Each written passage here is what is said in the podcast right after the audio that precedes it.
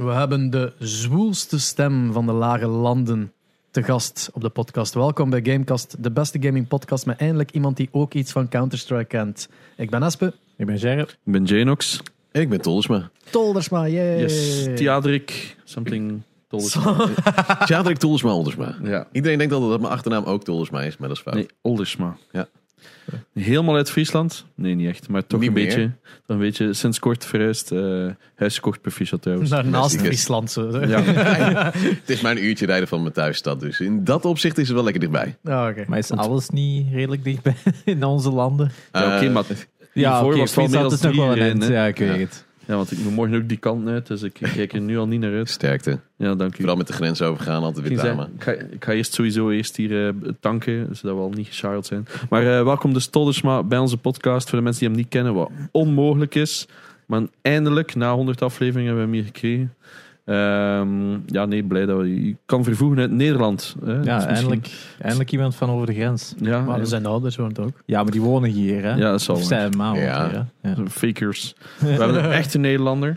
Ja. Dus eh, mooi. Maar kan genoeg Belgisch, of kan toch heel goed doen alsof. Ja, maar al hè, zeg. Ja, Waar is deze gast? Blij dat we Samson ook te gast hebben. Ehm, Moest kloppen, want de bel deed dat niet.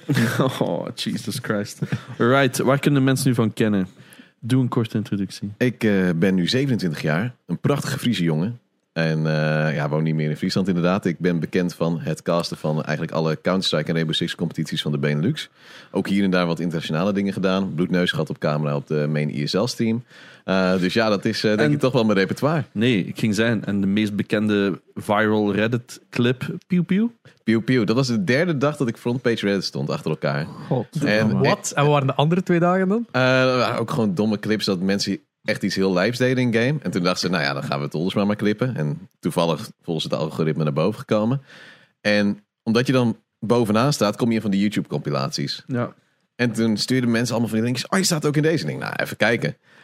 En toen had ik dus, ik kreeg de feed van ISL kreeg ik via YouTube. Dus ik had YouTube in zijn geheel gemute. En daarna begon de game weer. En ik denk, hè? Ik heb geen geluid. Dus ik meteen bij ISL klagen. Ik heb geen geluid. Waar is het gamegeluid? En toen zei iemand in de chat, moet je maar zelf geluidjes maken. Dus oké, dan ga ik zelf geluidjes maken, vooruit. En letterlijk dus die clip is afgedaan. En daarna, meteen nadat de clip is gestopt, weet ik nog heel goed, zei ik ook, maar ik heb het zelf gedaan. En toen ging ik kijken, ja, ik heb zelf die geluid uitgezet. Maar het is helemaal uit de klauwen gelopen, miljoenen keer bekeken. En eh, ja, toch denk ik wel een van mijn legendarische momenten. Is, want dat is ook een cast die in het Engels was, toch? Nederlands. Was die toch? was het- eh ISL, al hun internationale dingen gingen in het Engels naar Facebook. En ik zei, maar wie gaat er op Facebook kijken? ja, dat is Alleen sowieso. 40-jarige moeders misschien. Dus Ja. ja. dan ga ik het zelf maar uitzenden in Nederlands. Er is één keer, dat herinner ik me nog, dat er een heel toernooi volledig integraal op Facebook was. En iedereen zei, ja, what the fuck. Want Facebook had zo die licentie Ja, gekocht. voor heel 2018. Ja, En dat toen was had ik- horror. Toen ik dat hoorde, heb ik meteen de Nederlandse rechten gekaapt. Heb Ja. ik gezegd, dan ga ik het eh, zelf doen op Twitch. Ja. Nou, ik denk dat ik meer kijkers heb gekregen in dat jaar dan eh Dat was hier zelf echt- op Facebook. Want die hebben ze ook toch midden van het jaar of zo gezegd, oké, let's call it quits. De- Nee, dat kon dus niet. Ze, Volgens mij hebben ze dat- ze moesten nog steeds doorgaan op 2018. Ik heb namelijk in december, eind december, toen zeiden ze, ja, we willen alle matches aan het einde tegelijk doen. Dus toen hadden ze gevraagd, ja, we moeten allemaal nieuwe pro-casters hebben die het gewoon van thuis kunnen doen. Dus heb ik op de laatste matchdag heb ik op Facebook nog in het Engels gecast. Terwijl ik het hele jaar in het Nederlands op Twitch deed. Dat was op zich wel mooi. Right. eh, even terug naar het begin dan. Ik bedoel, je bent eh, caster, analyst, eh, nu ook voor Elite Series. Ja. Daar komen we straks nog wel op terug. Ehm, zoveel games, maar de liefde voor gaming. Oeh. Waar is die begonnen, jongeman? Ja, dit is een prachtige origin story. Mijn ouders hielden niet van gewelddadige videospellen. Dus ik heb ook eigenlijk nooit schietspellen thuis gespeeld. Totdat ik op een oudere leeftijd het zelf allemaal heb gefinancierd. Eh, en we hadden eigenlijk ook geen spul om op te gamen thuis. Een eh, best wel baggere PC. Ik kon net een paar spelletjes aan. En ja, wat gingen we dan spelen? Nou ja, My Little Pony. Dus dit is no joke, hè? My Little Pony is eh, veel gespeeld in eh Huizen Oldersma. Eh, dus je kan wel zien dat ik echt de kwaliteit games heb de gespeeld. origin story ever. Ja, daarna My Little Pony PC. ja, dat bestond ooit. Ik weet ook niet hoe. We gaan zoeken. We gaan maar zoeken. Ze is in een random op de flash research. Eh, Spelen.nl. ja, allemaal van dat soort random spelletjes. En na een tijdje had ik een eh, Game Boy Advance gekregen. Oeh. Ging een wereld voor me open. Nooit Staan Pokémon daar opgespeeld. achter u? Nooit Pokémon opgespeeld. Dus dat vind ik nog steeds een beetje vreemd dat dat nooit is eh, gelukt. Maar ik denk dat mijn ouders dat ook een beetje geweldig aardig vonden. Het is toch eh, vechten. Eh, dus, maar ik heb wel James Bond erop gespeeld. Wat echt, als ik erover nadenk, dat ik had kunnen bedenken dat iets een poppetje was met vijf- die vijf pixels die je erop kon zien. Dat Echt is eh, crazy, toch? wonderbaarlijk. Waar ik, ja, Game Boy Advance had wel nog een paar nice ports, maar eh, Ja. ja, Eh, Oh ja, ja. Welke? De eerste? Ik, ik denk die tweede. Oh, de tweede. Want het is eh, uit eh, 1998. Ja, ik ben uit 94, dus het zou nog best kunnen. Eh, rond die tijd eh, was ik natuurlijk Even wel eh, van de Even game. reclame voor de floor cleaner. Yes. Wat My Little Pony Friendship Gardens. Ja, Met de dat mailbox. is de shit. oh my god. Hoe mooi is dit? Als je dit ziet, dan denk je, dit is echt prime Nou, gamer. nou, this is gaming. dit, is, dit is echt gaming. Hier hadden de, de geluidjes geleerd van de pew pew pew. Ja, iedereen dat Counter-Strike epic is. Maar dit, ja, Ja. Dit is dit hem echt. Dit, dit geeft fuck me echt, Elden Ring. Ja, inderdaad. Dit spel opstart was gewoon een blik in de toekomst. Ja, gewoon de. Damn. Wel zijn, ik vind het er wel nog fancy uitzien. Ja, weer Animations die- en zo zijn wel nog... Ja, ja Hier hadden ze gewoon animations, al eh, pre-made eh, renders. Hè. de manen die dansen in de wind. Hoe lang heeft dat geduurd in recente games voordat Ja, de wind zit een het beetje Elden Ring? Ik weet het niet. En Horizon is dan ook zo dat als je de haar in de gaten houdt, dat, dat springt all over the place. Hè, Ja, dat was in de eerste al zo'n heel goed issue. Laat me één ding zeggen. Hair physics are a bitch. Oh, Hair Physics are a bitch. Maar My. Little Pony had het juist in 1998. Nee, heet het Dynamics? Ik betwijfel het. Dus zoals je kan zien, ik speelde echt kwaliteit games. Eh, Waarschijnlijk als hij omdraait, draait haar haar nog altijd. zeker Laatst weten. wind, is de wind opeens 180 graden gedraaid, hè? Zeker. Dat is echt, Sowieso, eh, hè? My Little Ponies krijgen altijd de wind van voren. Terraforming destijds. Ja, eerste echte console na mijn Game Boy Advance was de Wii. Dus, Oef, eh, primetime. Ja, Dat ook. Deelneming. ook daar heb ik een James Bond spel op gespeeld. Ik weet ook Ah, nog dat- GoldenEye waarschijnlijk, hè? Eh, weet ik niet welke het is Ik dat er nog geweest. vrij lange support is geweest. En, eh, ja, GoldenEye had zelfs eigenlijk zou nog best een kunnen. vrij grote online scene had ik online, op Wii had ik Ik online heb ook ontdekt. daadwerkelijk online wel echt toen veel Ja. gespeeld. Dat is echt een heel vreemd spel om natuurlijk te spelen, maar eh, wel echt van genoten. En daarna heb ik eh, heel veel geld gespaard. Nou, als klein eh, jongen is natuurlijk geld heel veel, Hm. als het al weinig is. En toen heb ik eh, cash en Xbox 360 Elite eh, gekocht. Jammer. Wow, wat voor Ja. krijgen we Ja. weer te zien. Ik wil, ik wil niet zeggen dat meneer de zoeker eh, bepaalde dingen opzoekt, maar... eh, Meneer de Zoeker. Gerre. Hey Google Machine. Hey? Google. Google man, ben je daar? Maar het, is, dat, het was dan een remake van de originele GoldenEye van ah, Rare. Het was ook echt heel vreemd om te besturen. oh ja. Want je had dan die... Was het echt deze versie dus? Ja, volgens mij wel. Ja. Had je dan die nunchuck waarmee je eigenlijk ook liep. Maar je had dan de controller waarmee je wel bewoog. Maar je Ja. kon natuurlijk geen 360 bewegen. Want dan zat je weer buiten je Inderdaad. range. Ik weet echt niet meer hoe ik Dus het je heb gedaan. mikt zo wat meer op je scherm als ik me niet... Maar Ja. omdat iedereen diezelfde handicap had in de online... Was in online eigenlijk nog wel best interessant. Ik had er onlangs nog toevallig nog een video over gezien. Dus mensen hebben het zelfs nu heel die servers terug zelf opgestart. En spelen nu een modded version via emulator tegen elkaar of zo. Dat is dus echt nog een online scene van GoldenEye op Wii.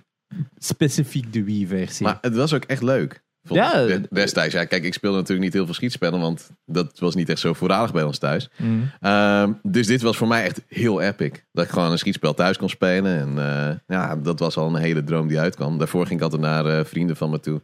Eentje had echt altijd alle Xbox al gehad. Dus daar eh, gingen we dan na school altijd Xbox spelen. Nooit bij mij thuis, want ja, er was niet zo heel veel te spelen. altijd bij hem thuis. Zo'n paar vinden, eh, kunnen we Little Pony komen spelen? Eh, Kon je dus- oh, je die manen, nog- die manen. Ik kan je juist nog zeggen dat Team GoldenEye er beter uitzag dan Pokémon Legends. Oef. Dat is wel waar. Alright, dus eh, eh, Xbox Elite gekocht. Ja, de 360 Elite. Eh, ja, daar staat de normale 360. Dat is, ah ja, dat is, dat is de tweede versie. Ja, Ja. ja. De Elite dat was ook wel direct in Die was zwart. ook hè. zwart. Inderdaad. Ja, ik denk heb die ook nog gehad. Ja, daar heb ik ook echt heel veel op gespeeld. Eh, Modern Warfare 2. Helemaal Ja. plat gedraaid. Oei, binnenkort doen, doen wij twee mee aan een quickscoping event op Rust. Echt? Eh, ja. Ja, dat kon ik dus echt niet, hè, dat quickscopen. Warfare 2. Dat denk ik van, maar ik wil gewoon mensen doodmaken. ik, ik wil niet zeggen dat ik destructief ben, maar in dat spelletje wou ik gewoon, ik wou gewoon winnen. Ja. En dat quickscopen, ja, dat was zo omslachtig altijd. En dan trickshotten. Mijn neefje was echt fanatiek trickshotten, maakte ook montages. Ik denk, en dan moest ik, face- soms, Phase one. moest ik soms één tegen één tegen hem. En dan maakte ik hem alsnog af. En Ja. yeah, dit voelt goed. Dus eh, je bent alles geworden dat je ouders haten. Ja, zeker. zeker. Ik eh, altijd al gewoon vanaf dat moment ook dat competitieve schieten, dat is eigenlijk met die Wii erin gekomen. Als het gewoon tegen mensen is, je wil altijd winnen. En er is altijd een learning curve. Je kan altijd beter worden, maar je bent nooit de beste. Eh, dus eh, dat is altijd een beetje voor mij de uitdaging geweest. Toch altijd jezelf wat verbeteren daarin. Mhm. Ja, ik bedoel, op zich snap je, maar dus geen singleplayers, eerder multiplayer toch ge- geneigd. Ik heb, eh, het heeft een hele tijd gekost voordat ik echt goed in singleplayers kon komen. Kijk, vroeger heb ik dat natuurlijk wel gedaan, omdat er toen nog niet zoveel online was. Er was En ook niet omdat wij het internet ervoor hadden om dat te kunnen doen. Ehm, maar toen heb ik een hele tijd inderdaad vooral competitieve spelletjes gespeeld. Dus ook Halo. Nou, en dan rush ik door die campaign gewoon voor de grap. En dan ga ik daarna online eh, knallen.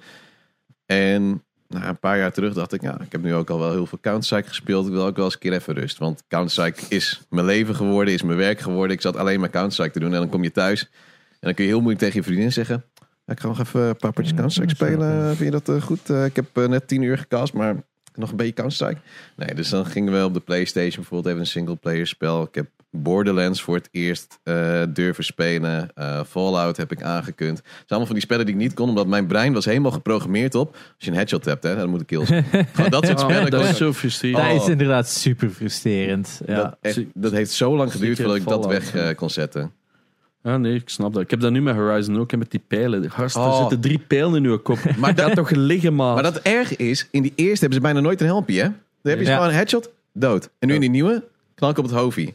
Oh ja, je hebt nu een stukje armor geraakt. Doe maar 10 damage. Nou, Fuck Ja. off. ik heb net een nieuwe tv en daardoor heeft hij het overleefd. Anders is die controle... Ik heb de nieuwe nog liggen. Allee, ik heb hem nog niet durven uh, aanstarten. Jij hebt hem uitgestart, hè? Ik, Erg ik, mooi. heb, ik denk dat ik hem bijna uit heb zelfs. Holy shit.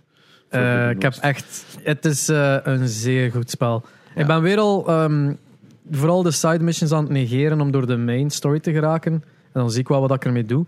Maar ik, ik heb nu al eh, de, de, de band met de wereld dat ik zoiets heb van ik wil hier meer van ontdekken. Straks na de main story. Main story is te spannend. Ik kan het niet neerleggen. Het is echt ik was vannacht om twee uur nog zo van ik moet gaan slapen. Ik heb al slaaptekort. Nee, Holy ik zou nog shit. blijven doorspelen.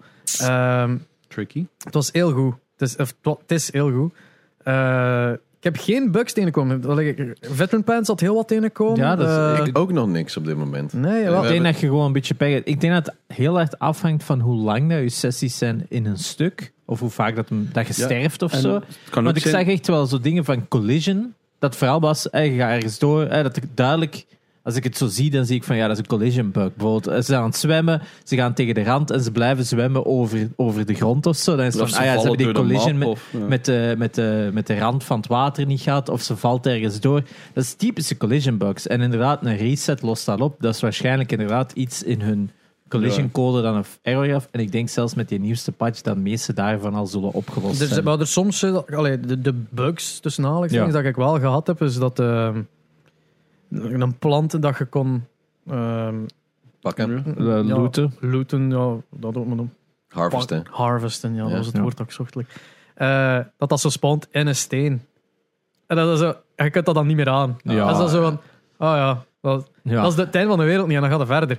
En ehm, ook zo ene keer, ik hide achter een, een big ass rock van zo'n big ass machine en die er like door. Dus die, die doet zijn aanval en plots flont toch in je gezicht. Ik, what? what? Die, die staat hier nu? Zo, de, de, soms hebben de biggest machines hebben zo af en toe wel een keer van en ik ben hier nu. Zo weet wel Ja. zo'n glitch. Ik denk open world games. Welke heeft het niet? het is geen Assassin's Creed. Unity alleszins. Weet wel. ja, eh, of, of als je zo die Arceus clips zag van ook zo Pokémon dat ze jeet door de, door de, de lucht vliegen. Dat ik ook denk van ja, zie, open world zijn gewoon Dat is heel lastig te een testen. bitch om te, om Ja. te programmeren waarschijnlijk. Ja, dat is echt gewoon het lastigste is. Ja, ik heb dat meegemaakt. Alright, hoe kunnen we dat reproducen? Geen fucking idee. Want ja, je moet het kunnen reproduceren. En dat zijn zo van die, van die instances dat je waarschijnlijk gaat hebben van ja, gaat waarschijnlijk daar en daar en daar en daar in die volgorde. Misschien dat het dan gaat, gaat kunnen gebeuren. Mm, waarschijnlijk niet. Ja, als je dat vergelijkt met de meeste singleplayers, dat eigenlijk een hele... re- eh, pak nu een Half-Life of zo. Elke NPC is daar zo in geprogrammeerd om dit Nee. en dat te doen. Kans dat die iets misdoen is zo klein. Terwijl daar, ja, dat zijn... Ja. Ja, Lineaire games, hè. Bring them Ja. back. veel Ja, het, ik, wil er echt wel een keer eh, een een andere aflevering, een, een, een volledig gesprek over hebben over open world. Is hem beter. It, it outstayed its welcome. ja. Omdat Sommigen proberen te veel. Het, het, het, niet alleen te veel, maar gewoon het concept van een open wereld was in het begin van gaming een, een, een toekomst. Mhm. Iets van, oh wauw, er, er gaat ooit een moment komen dat je, kunt kunt doen wat je exploren. wilt. En, en, en dan kon dat. En dan, nu kan dat te- technologisch gezien, zijn we al, hebben we allemaal de mogelijkheid om werelden te scheppen en daar overal rond te gaan. En alles En- moet interessant zijn. Ja, maar, maar de duur is dat zo van, ja, maar dit- dit- dat hoeft nu niet meer. We hebben het technologische gehad, maar Ik denk hot take misschien wel, maar ik denk dat eigenlijk allemaal ze beginnen misgaan vanaf Assassin's Creed. ja... Om de simpele reden dat ik voelde bij Assassin's Creed toen ik dat destijds speelde, dat het open world gedeelte gewoon ten koste ging van goede gedesignde levels. Hmm. En Omdat ze komen van, eh, van eh, Prince of Persia, hè, Prince of Persia Sands of Time, heel die trilogy, heel tight level design, heel cool platforming, allemaal van die dingen. En je komt dan in Assassin's Creed en je kunt op alles klimmen, je kunt op Dat alles was lopen. Dat was super revolutionair. Hmm. Maar daardoor was er zo precies geen design meer. Het was van, gaat die mens vermoorden? Ah ja, ik ga helemaal rond, ik klim een muur op en ik vermoord je. En ik vind heel veel open world games zijn schuldig aan het gegeven van, we hebben een open world, maar er is geen level design meer. Ja. Ik denk Zeker. Metal Gear Solid 5 had dat wel op bepaalde stukken, dat ze echt gewoon zo goede spaced eh, layouts hadden, waardoor dat je echt wel op een heel specifieke manier het moest aanpakken. Waardoor dat, dat heel goed werkte. Maar inderdaad, een gemiddelde Assassin's Creed of een Far Cry, daar zit geen level design Dat is op in. den duur gewoon randomly gener- generated zo, met, met, met een bitmap van here Ja. you go, dat is uw hoogte en dergelijke. En spam het vol met je ziet ook rocks. vrij veel copy-pasta. Bijvoorbeeld Ja. Dying Light 2. Ik was echt heel hyped, maar ik was ook wel weer een beetje bang. Want ik vond de eerste Dying Light echt genoten. Heb ik volgens mij. Ik kan heel moeilijk spellen opnieuw spelen, want ik, om een van de reden onthoud ik bepaalde dingen heel goed. Ik, als ik iets moet leren, gaat het helemaal fout. Maar ook mijn vriendin die speelt de Horizon 1. Dan in de tussentijd, als ik er Ja. niet ben, speelt ze hem nog een keer. Ik kom binnen, ik weet precies wat het is. Wow. En het is drie jaar, vier jaar Ja. geleden dat we het hebben gespeeld. En Dying Light 1 helemaal kapot gespeeld. Drie keer of zo eh, opnieuw gedaan. Dat is voor mij revolutionair. Was- En Dying Light 2, ik ben nou net eh begin stil uit, ben net die world in. En ik merk binnen vijf minuten dat gewoon echt heel veel dingen zijn gecopy-paste. Ja, dan deelt ik alweer. Dat, dat is, maar ja, het- hoe awesome zou het zijn als je het hele concept van hey, je kunt overal naartoe gaan waar dat je wilt, waar dat open world gedoe van, van komt, namelijk van hey, je bent niet meer ge- gelimiteerd. En iedereen voelde zich daarbij van wauw.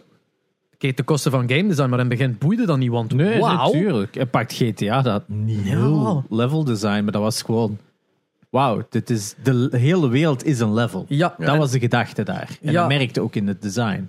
Inderdaad. En, en eh, hoe goed zou het niet zijn om heel dat concept van wauw, je kunt overal naartoe gaan, even terug te verkleinen. Want ja, in, in het begin was dat ook zo. GTA, de volgende was zo. En de map is vijf keer zo groot. En iedereen, wow! En, dan zo, en nu als volwassen mensen, zo, oh, als het, dan denk je, maar hoeveel gebouwen kan ik in en is interessant? Ja, en wel, en wel, moest je nu een keer dat doen. Eén dorp. Moest zelfs geen stad zijn. Spider-Man New York, Ja, ik denk eigenlijk beter voorbeeld Breath of the Wild, The Great Plateau. Het beginstuk Ja. van Breath of the Wild is eigenlijk een heel goed open world stuk. ja, Want je wordt gelimiteerd door, oh ja, eh, hier, heb je- hier is het koud. Je kunt hier niet voorbij. Oké, ik heb iets nodig om voorbij de kou te kunnen. Je hebt dan dat bos en gaat er zo in dat bos en dan ontdekt het daar. Ze hebben een heel goede natural progression van hoe dat je dingen ontdekt. Ook zo van, ah ja, hier is een, een grote chasm. Hoe ga ik daarover? Ah, ik heb een, een bijl nodig voor die een boom te kunnen omhakken om die chasm over te gaan. ja. En uiteindelijk is dat een heel afgesloten gegeven. En je denk- ontdekt als speler heel natuurlijk hoe dat je daardoor moet gaan. En dat is goed level design Inderdaad. op een heel klein stukje. Wel- Maar dat kun je niet over een heel game Als trekken. je Dying Light nu een keer in, in een, een kleinere fucking settlement steekt, waar dat ieder gebouw uniek is, Ja. je gaat waarschijnlijk iets meer werken dan dat je het in een groot gebied doet en alles copy-paste. Maar het gaat veel meer een payoff zijn van wauw, wat een ervaring. Ja, Want ik loop constant verlopen in dat stomstad. Hè. Ja, die, die buildings die zijn op zich hier en daar nog wel interessant. En soms heb je wat hidden nooks en crannies. Maar het is vooral de dingen die bovenop de gebouwen staan. Oh, dat was gewoon... Ik had meteen door... Oh, hier er ligt om het hoekje liggen drie tassen en een koffer. Oh, nee. En dan ben ik echt... Ik ben vijf minuten doorgelopen, ben het vier of vijf keer tegengekomen. ja, dat is echt Dat zo. ik denk, Zo, maar oh, wauw. dit, dit, dit zoek ik niet Ja, in een spel waar ik net 60 euro voor heb Nog, betaald. nog een waslijn. Ja. Cool. Maar het is een slecht voorbeeld, maar het is ergens ook een goed voorbeeld. Eh, ik weet niet of je The Last of Us 2 hebt gespeeld toevallig. Nee, nog niet. Maar je hebt daar ook een. Sorry. klein open world stuk in. Een heel klein stukje open Ja. world. Heel En klein. ja, het is zo klein als dat je wilt. Als je eigenlijk moet je maar één ding doen en ze de weg. gebouw, ja. Ja, maar er is zoveel meer om te verkennen. En het nodigt uit om te gaan van, ah, ik ga nog dit doen, ah, ik ga nog dat doen. En het is ook een slecht voorbeeld, want het is zo'n klein gegeven en er is bijna... De, exploration is eerder van, ah, ik ga naar een gebouw en ik ga daar naar binnen. Wat dat eigenlijk niet echt level. Dat is niet open world, dat is eigenlijk gelijk dat je vroeger in Crash Bandicoot vijf levels had op, op dodges en je gaat op één dodge en je springt in het level. Dat is eigenlijk exact hetzelfde, maar gewoon in een... Het is meer een hub Ja. dan dat dan een open world is. Als je zo-.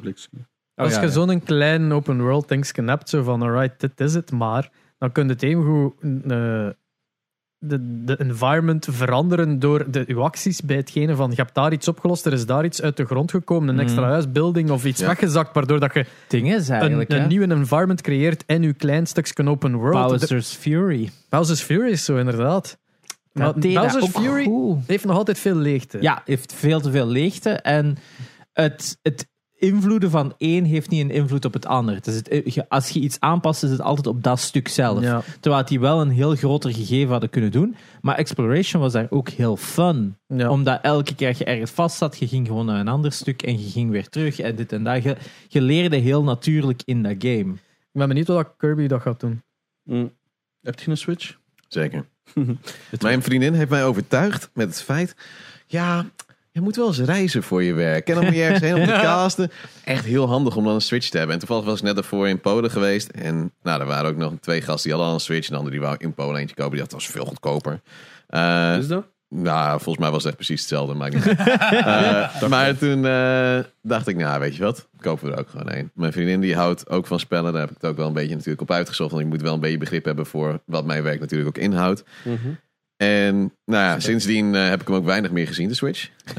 Ik heb Breath of the Wild ik. natuurlijk lekker gespeeld. Maar één ding waar ik echt heel slecht in ben, spellen uitspelen. Ja? Ik kan, het niet, ik kan heel slecht hebben dat het spel dan voorbij is. Dat die journey Ah, eindigt. zo, dat dat Breath of the Wild, ik heb alleen het eindgevecht nog doen. ja, Niet, niet afgemaakt. Ja, dat, dat, dat Eh, snap ik wel. Ik had daar ook, ik had ook heel lang uitgesteld, dat laatste gevecht. En eens dat ik had gedaan, had ik ook dan ook zoiets van, huh, Never is Ja. gedaan. Ik heb dan wel nog alle quests gedaan, maar had zo niet Ja, dat heb ik dus van tevoren al gedaan. Ah ja. Want anders weet ik dat ik het ook er- niet meer ga doen. Je krijgt pas een quest counter. Als je het uitspeelt, krijg je te zien, quest zoveel van nummer zoveel. Ah. En dan had ik op dat moment van, ah oké, er zijn er zoveel. Oké, ik ga ze allemaal doen. Ja, ik ben dus overal aan het rondlopen behalve dat gevecht.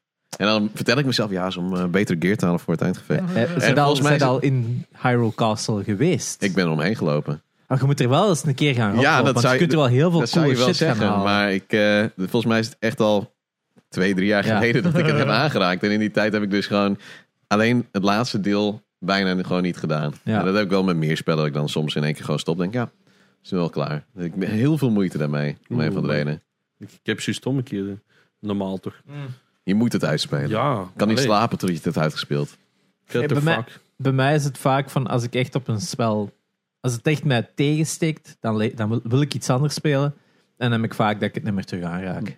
Omdat ik zoiets heb van, ja, pff, ik amuseer me er niet meer bij. Ook al was dat leuk, maar op een gegeven punt kunnen zo'n punt hebben in je game dat je zegt van, waarom speel ik het nog? Ja, dat meer een grind voelt dan een eh, avontuur. Inderdaad. Ja, ik heb vooral een beetje dat ik ook niet wil dat het voorbij is. Dat is een beetje. Dus dan denk ik van ja, maar als ik het niet uitspeel, is het ook niet voorbij. Maar ik ga niet meer spelen, maar dat maakt niet uit. Zijn er zo ook games dat je niet hebt uitgespeeld? Oeh, zo. nou, dat is het erge. Ik heb The Witcher 3 echt ontiegelijk van genoten. Ja? Een van mijn favori- favoriete spellen ooit. Ik heb één van de DLC's gedaan, maar Blood and Wine niet. Waarom niet? Geen idee. Waarschijnlijk heeft mijn brein toen gezegd, nou, nee, laten we wel voor later. Nooit meer aangeraakt. Terwijl iedereen, daarna heb ik dus gezien, iedereen zegt dat dat de beste DLC is. Ja, is En ik, waarom heb ik die dan weer niet gespeeld? En ik kwam er ook pas achter dat ik hem niet had gespeeld toen ik met mijn vriendin op de PlayStation. Nou, die wou toen ook eh, spelen. Dus zei, nou, gaan we dat eh, toch spelen? En toen begon ze in één keer die DLC, nadat we de main eh, storyline af hadden. En ik, we hebben dat nooit gezien. Dit is eh, nieuw. Ze maar je hebt het spel toch uitgespeeld? Ja, ik heb volgens mij 90 uur in het spel. Oh, eh, oh deze, deze heb ik nog niet gedaan. Nou, moet ik dan blijkbaar nog maar een keer doen. Nog altijd niet gedaan. Dat is ook alweer Typisch. twee jaar terug. De Switch, hè, legendarische goede versie.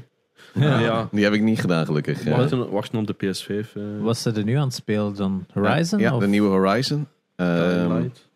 Dying Light? Dying Light 2. Ja. Maar er staat nu even op pauze omdat eh, Horizon met de vriendin voorrang heeft. Is Eh, Is dus dat dan, en hoe is dat dan samenspelen? Is dat één speelt kijkt of is het echt een beurtenrol? Is Ehm, soms speelt zij wel eventjes, maar ik, ik kan het niet hebben als andere mensen spelen en ik niet speel. Mm, En het is niet zozeer dat ze het fout doen. maar, Maar zij- anders. Zij speelt heel erg passief. Zij wil alles sneaky, sneaky. Ah. Ik kan dat echt niet. Ze zegt Oh, altijd, ik moet ook altijd aanvallen. En som- soms hou ik me dan in. Dan, zeg, ik, dan doe ik de eerste twee, drie machines. Die ga ik wel even sneaken.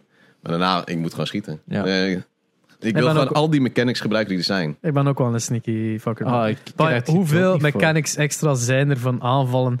En de Ja. ik, ik, ik hou het niet meer bij. Zo van, Nee. En dan plotseling halverwege een vecht van...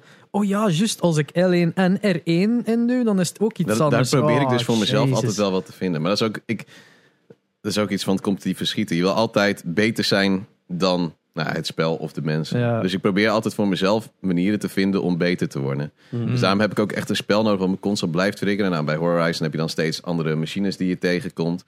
Uh, maar ik merk dan ook heel, heel snel dat ik nu gewoon die basic machines denk, ah, niet weer. En gewoon niet, niet, niet dat ik er moeite mee heb, maar gewoon dat ze zo makkelijk neer te halen zijn. Ik zeg, ah, pijltje daar, pijltje daar, klaar.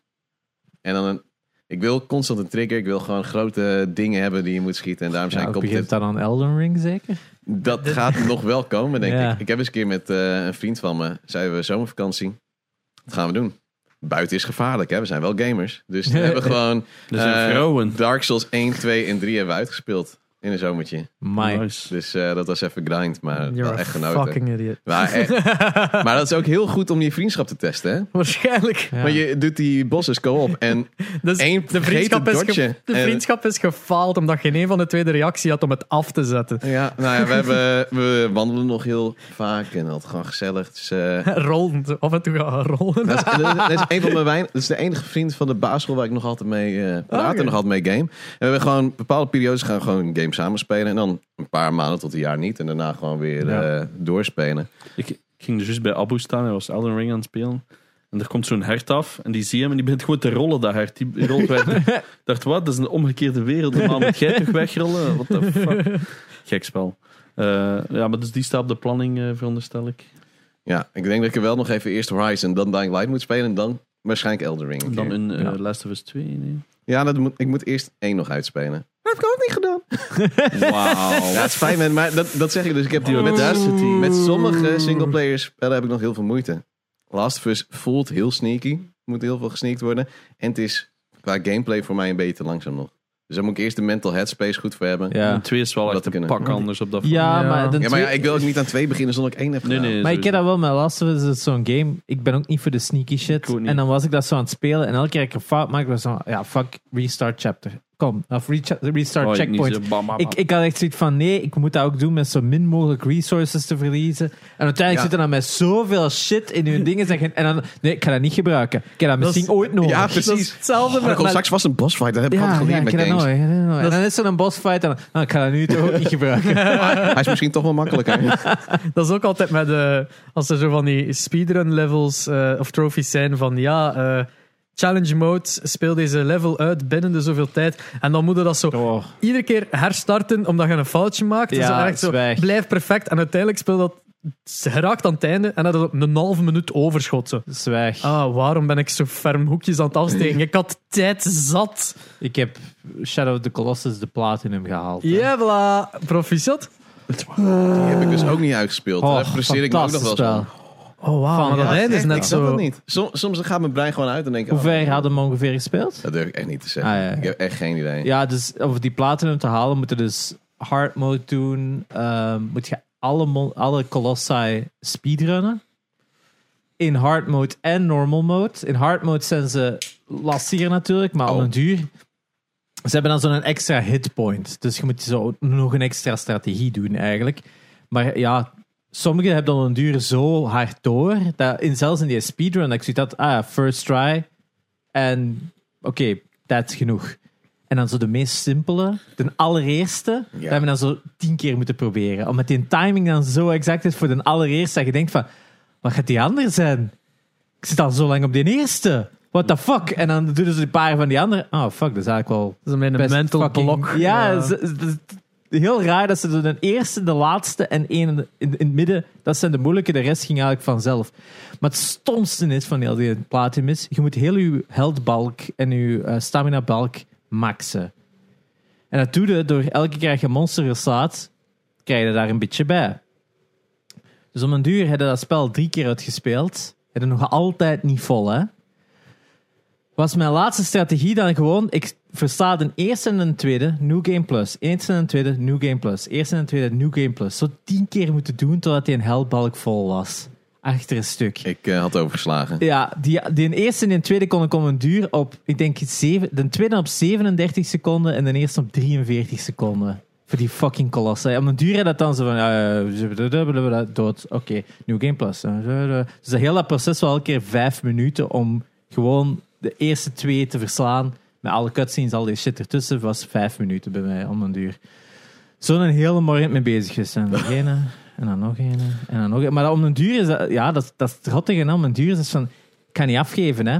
Je, je bent al zo committed. Je bent zo committed of het een fucking platinum trofee en dan heb je dat en dan zet je dat af. Je deinstalleert dat spel en dan denk je, ik had zoveel beter dingen kunnen doen met mijn tijd. Je bent echt veranderd in mij, gij. Ik haat dat. Sorry. Ik haat dat. Sorry, ik was vroeger zo. Maar Shadow of the Colossus is wel de platinum waar ik nu zoiets heb van... Het is wel een van diegenen dat ik kan zeggen... Alright, die heb ik. Heb jij hem wel? Ik namelijk wel. Maar ik ben nou ook niet zo iemand van... Ah ja, je hebt die niet, ja...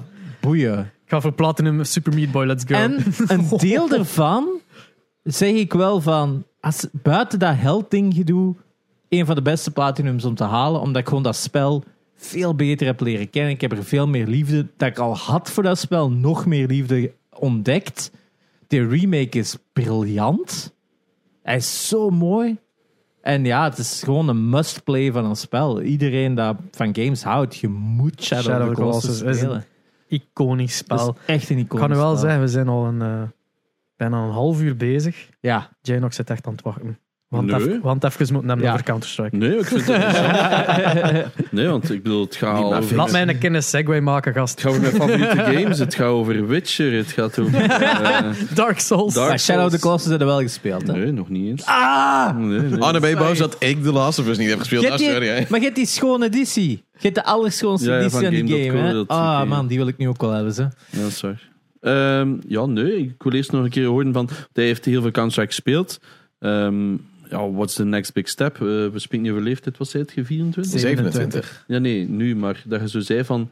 Nu ben ik terug aan de singleplayer. eh Oeh, ja, dat is denk ik... ehm ja, 2018 ben ik fulltime echt gaan casten met eh, Counter-Strike. Maar hoe, hoe Oh. verzend je van... hey, ik speel graag videogames. Oh, ik ga erover praten. Ja, dat is ook een optie geweest. Ja, Dat maar is exactly. echt een Dat optie zijn we aan het doen. Nee, maar dat is, ehm, That's the story, ja. ik zat bij... ik speelde toen gewoon Counter-Strike met een paar Zweden. Gezellig, Zweden, goed Counter-Strike zit in hun bloed, kun je niks aan veranderen. Nee. Ze zijn gewoon geboren met een muis toetsenbord, komen zo die baarmoeder uit. En eh, Klik. ja, het is ongelooflijk. Ik eh, speelde met hun en zij zeiden, ja, nee, we gaan naar LAN-parties. eh, dus we gaan een Zweeds team zoeken. Ik zei, ah, oké, maar zoek dan even een Nederlands team voor me. Dan ga ik ook naar een LAN-party. En toen zijn zij serieus gaan zoeken. En toen kwamen ze random op een website tegen dat Mcon eSports spelers zocht. En toen hebben ze mij daar gewoon voor opgegeven. En zei, ja, waarom niet? En ik zei, ja, prima. En toen ben ik in een amateurteam gekomen. Toen kwam ik erachter dat ik niet zo goed was als ik dacht. Logisch. Dan heeft iedere jongen die Counter-Strike speelt. Die denkt, ja, ik ben best wel goed. Ik eh, ben global elite. Niet goed. Eh, Ik ben een god. ja, want ik kom er heel snel achter dat het niet zo is. En toen eh, was ik al heel snel in het eh als assistentmanager van Counter-Strike. En toen hoofdmanager van Counter-Strike. Toen bestuurslid. En toen hadden we echt heel veel Hearthstone-spelers. Gewoon te veel. En toen zei hij, ja, maar hoe gaan we die ooit allemaal geïnteresseerd houden? Want we hadden echt een stuk of twintig voor mijn gevoel. Ja, gaan gewoon zelf een toernooitje organiseren. In-house. En kon in-house. Maar ja, alleen een toernooi zonder uitzending is ook niks. Dus we hadden gewoon een andere persoon, Marcel, die leuk kon babbelen. En die zei, nou ja, ga jij erbij zitten. Dan gaan we samen gewoon lekker babbelen. Een beetje klooien. Ja, niet zoals dit. We gingen wel over Hearthstone praten. Dus het was eh, nog een soort van gericht. En dat was mijn eerste cast ooit. Toen hebben ze nog eh, los de Breda Masters in Hearthstone. Kreeg ik eh 5 euro en een blikje drinken. Yeah. Damn. Dat is Big player. betaald. En dan eh, gingen we gewoon... eh, We moeten ook Ja, wel verlies hebben toernooi gedraaid. ja, dat is echt ongelooflijk. Nee, ik had toen uh, studenten dus ik kon gratis alle kanten op. Ah, shit. Dus dat pure winst, hè, pure winst. En dan, eh, en toen, ooit eens een keer op de party, was ik eh, teammanager van Counter-Strike team. De party had je misschien wel moeten duiden wat dat De is. party in Eindhoven, de grootste land eh, van eh, Zuid-Nederland. Niet van België natuurlijk, die hadden grotere lands. Eh, en ik had een team, die had een hele grote kans om te winnen. En ik had ook een academy team daar. En het was zaterdagavond. Ik had van vrijdag op zaterdag niet geslapen. Wel de nodige borreltjes erin gedaan. En ja, ik stond daar een beetje eh, natuurlijk gezellig te zijn en eh, te chillen. En er was eh, een van de casters was ziek. Dus een andere cast liep naar mijn academy toe. Want die kende die gast. Die zei, ja, jongens, ik heb iemand nodig die zo meteen komt casten. En zij zei, nee, dat kunnen wij echt niet. Dan moet je Tolsma voor hebben. Die heeft een, zwoele stem. En die gast, wie is Tolsma? Ja, die gast. En ik hoorde mijn stem ja, slaaptekort, borreltje. Ik was echt op mijn helderst. Die vod staat nog online trouwens, kun je eh, zoeken. Eh, volgens mij was het de Party 16, zou je misschien kunnen vinden. En eh, toen ben ik daar gewoon op een stoel neergekwakt. Ze kenden mij omdat ik die Hearthstone dingen had gedaan. En toen zei ze, ja, dit is eigenlijk best wel prima gegaan aan het einde. Eh, wil je morgen de finale ook doen? Moet je hier straks wel gaan slapen? Ik zo, ja, prima. dus toen ben ik gaan slapen. Volgende dag daar ook de finale gedaan. En sindsdien heb ik eigenlijk elk Counter-Strike toernooi eh, gecast. Nou, komt het wel binnen. Dus dat is wel een eh, optie. En in het begin bracht er natuurlijk niks op. Na een tijdje kreeg je eh, 5 euro per map. En dan dacht je, oh nou, dat is best wel een big deal. Als je klantenwijken deed, verdien je meer. Maar dat maakt op dat moment niet uit. en eh, in Maar dat is buiten. ja, dat is buiten. Is ook weer gevaarlijk. Eh, en in 2018 had dus, eh hier hadden we het net al over, al hun internationale dingen naar Facebook. En ik zei, dat is onzin. Ik ga het op Twitch doen, want in het Nederlands mocht dat dan wel. Ze hadden in de Engelse rechten verkocht. En toen had je Mixer, het geweldige streamingplatform van Microsoft. Rip in Peace. Die had een deal met eh, ISL dat ze ook content in andere talen op hun platform wouden. Nou ja, dus wat ik naar Twitch stuurde, ging ook daar naartoe. En daar kreeg ik dan per uur leuk voor betaald. Eh, dus dat was in één keer gewoon een fulltime inkomen. Toen zei ik, nou, dan ga ik fulltime casten. Studie ging niet zo goed. Ik was sowieso een slechte student. Ik was altijd geïnteresseerd in andere dingen.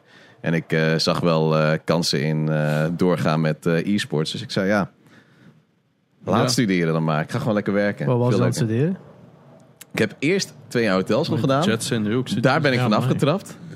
Eh, omdat ik ziek was. Ik had mijn eerste jaar niet gehaald. En toen dacht ik, nou ja, oké, laat dan maar. was ook echt een nummertje. Er kwamen per jaar 700 nieuwe studenten binnen. Op een vrij kleine school. Dus ik kon het eigenlijk ook niet aan.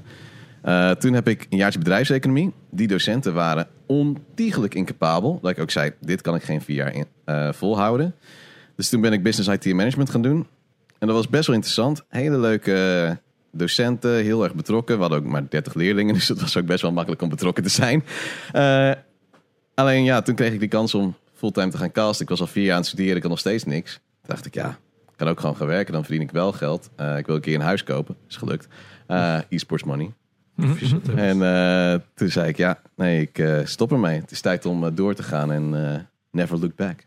Nee, ja. Ik bedoel, er zijn, je bent een van de weinige namen toch wel, denk ik, die het kan zeggen van in de Benelux zelf. Van eh, in het casting gegeven. Hè, want ik bedoel, we blijven zelf in Benelux-wise een kleine markt. Hè, een, Ja. een aparte taal. Ja, ik heb het voordeel dat ik eh, twee games kon doen. Dat ik en Counter-Strike en Rainbow Six. eh, en wat ernaast langskwam heb ik ook natuurlijk allemaal meegepakt. Want je hebt officieel gesigned bij ESL, right? Toch een tijdje? Ja, de 2018 was dus voor ESL Global. Heb ik toen een ZZP-contract.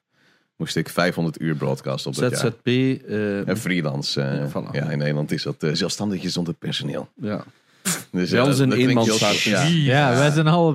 ja, inderdaad. Al ons zit daar gewoon eenmanszaak. En in Nederland heb je als ZZP echt heerlijke belastingvoordelen. Ja. Dus dat was echt... eh, ja, dat is eh, iets anders dan. ja, jullie hebben vrij pittige sociale bijdrage. Yes. Sterkte daarmee. Ja. Kan ik mijn adres veranderen naar Nederland? Maar jullie betalen wel eens 2,5 Ja. euro voor een liter naf. Dus eh hey, got you there, ja, baby. ja, daar hebben jullie dan wel weer goed. Vooral heb- omdat ik 30.000 kilometer in het jaar rij. eh. En ik heb mijn elektrische auto. dus- Ja. Oh? Maar ehm, auto's hebben in zijn Nederland ook pokkenduur. hè. Dat, dat, Ah, ja. dat scheelt enorm veel. Ja, de huizenmarkt is er ook Ja. dubbel zo hard ingestort als hier. Het is hier ook erg, hè? Maar oeh, Vertel me niet de huizenmarkt. Ik heb echt, dat huis moest alles aan gebeuren. Die mensen hebben 25 jaar lang uitgeleefd. En ik denk dat wij eh, meer dan dubbel hebben betaald als zij 25 jaar geleden hebben gedaan. Oh. Valt nog goed mee, eigenlijk dubbel. Maar ja, is wat dat terzijde. Ik bedoel, fulltime ISL ehm, gecast, 500 uur.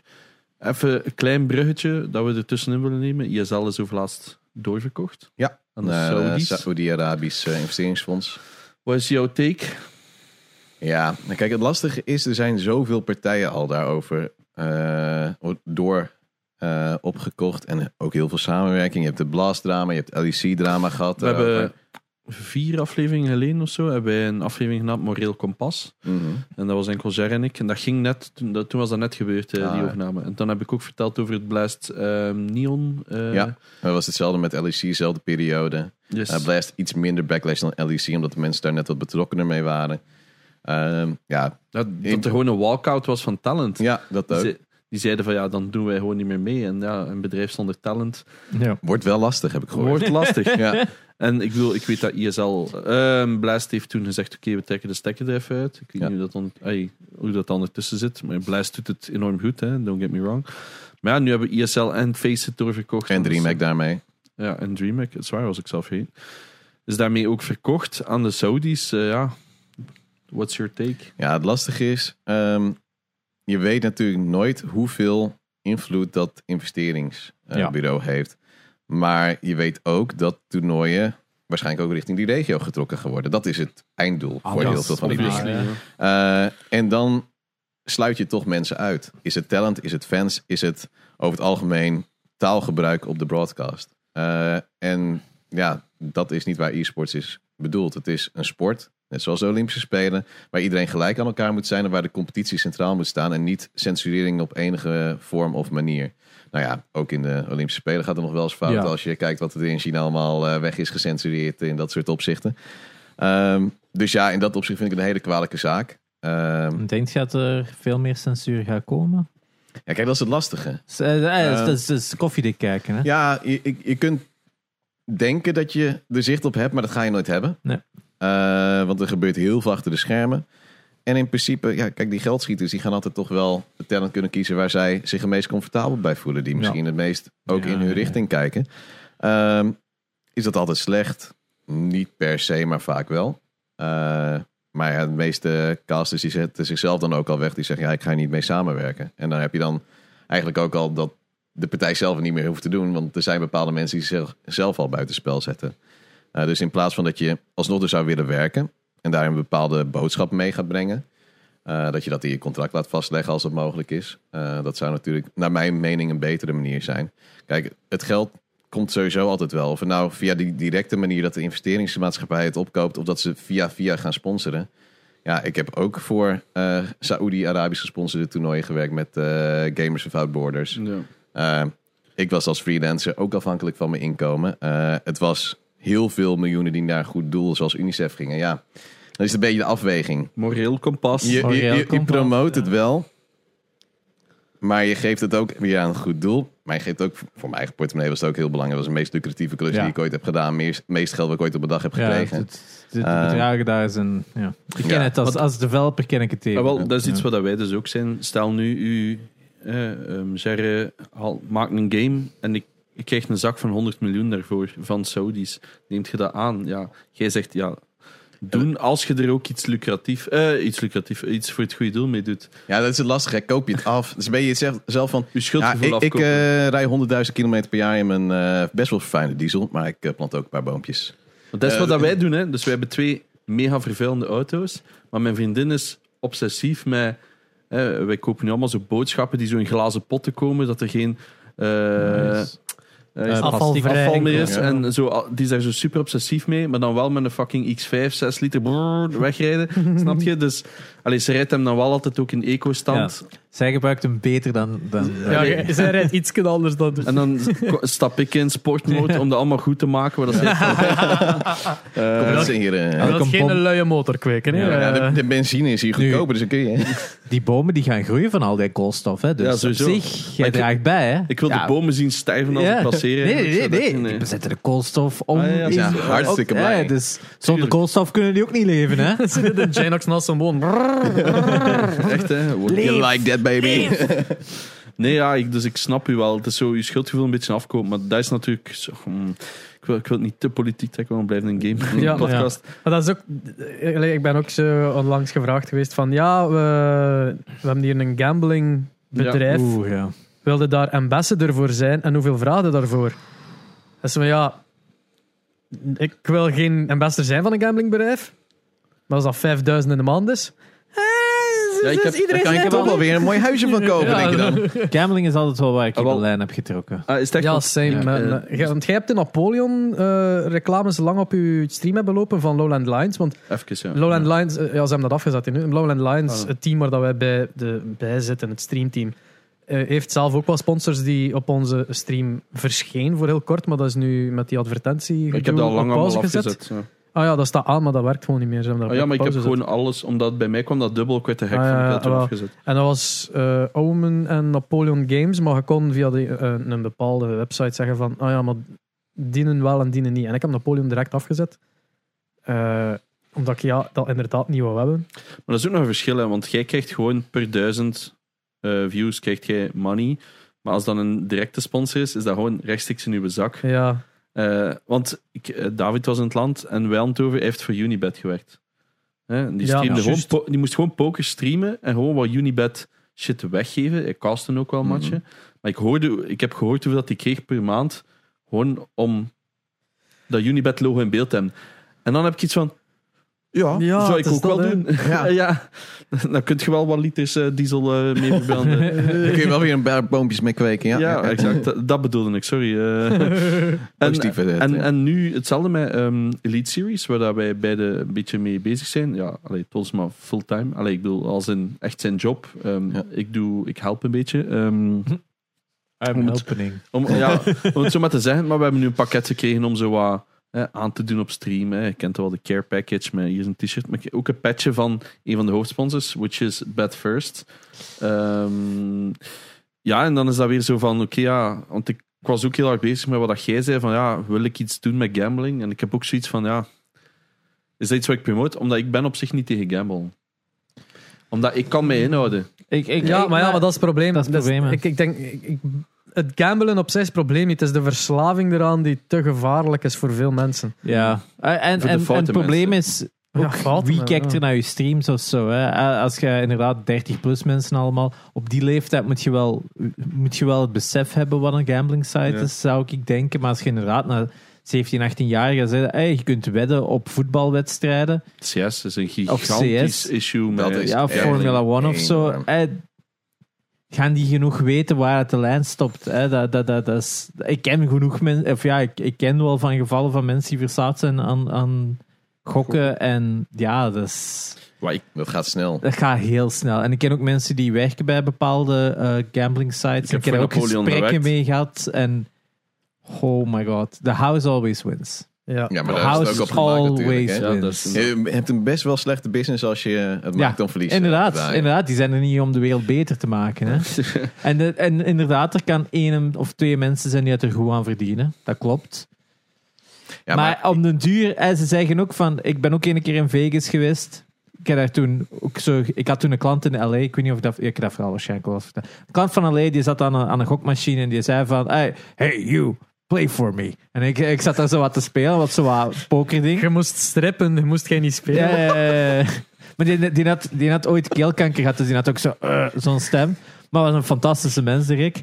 Eh, en die zei, no, no, no, no, just play my money. En zo was het dan. En dat zat echt gelijk 2000, 2000 dollar in. dat- Nee, er zat 1000 dollar in dat machine. Dus ik had al zoiets van: fuck, wat is deze? En ik zo wat spelen. En zo. Op een gegeven moment, ja, ik was dan al wat down. Maar wat, wat, wat, wat machine was dat? Was Dat was zo poker. poker. Dat was echt poker. Dus je moest echt zo zeggen van wat houdt erbij, wat, wat doe je. En, en, en op een gegeven moment met één hand win ik 1000 dollar.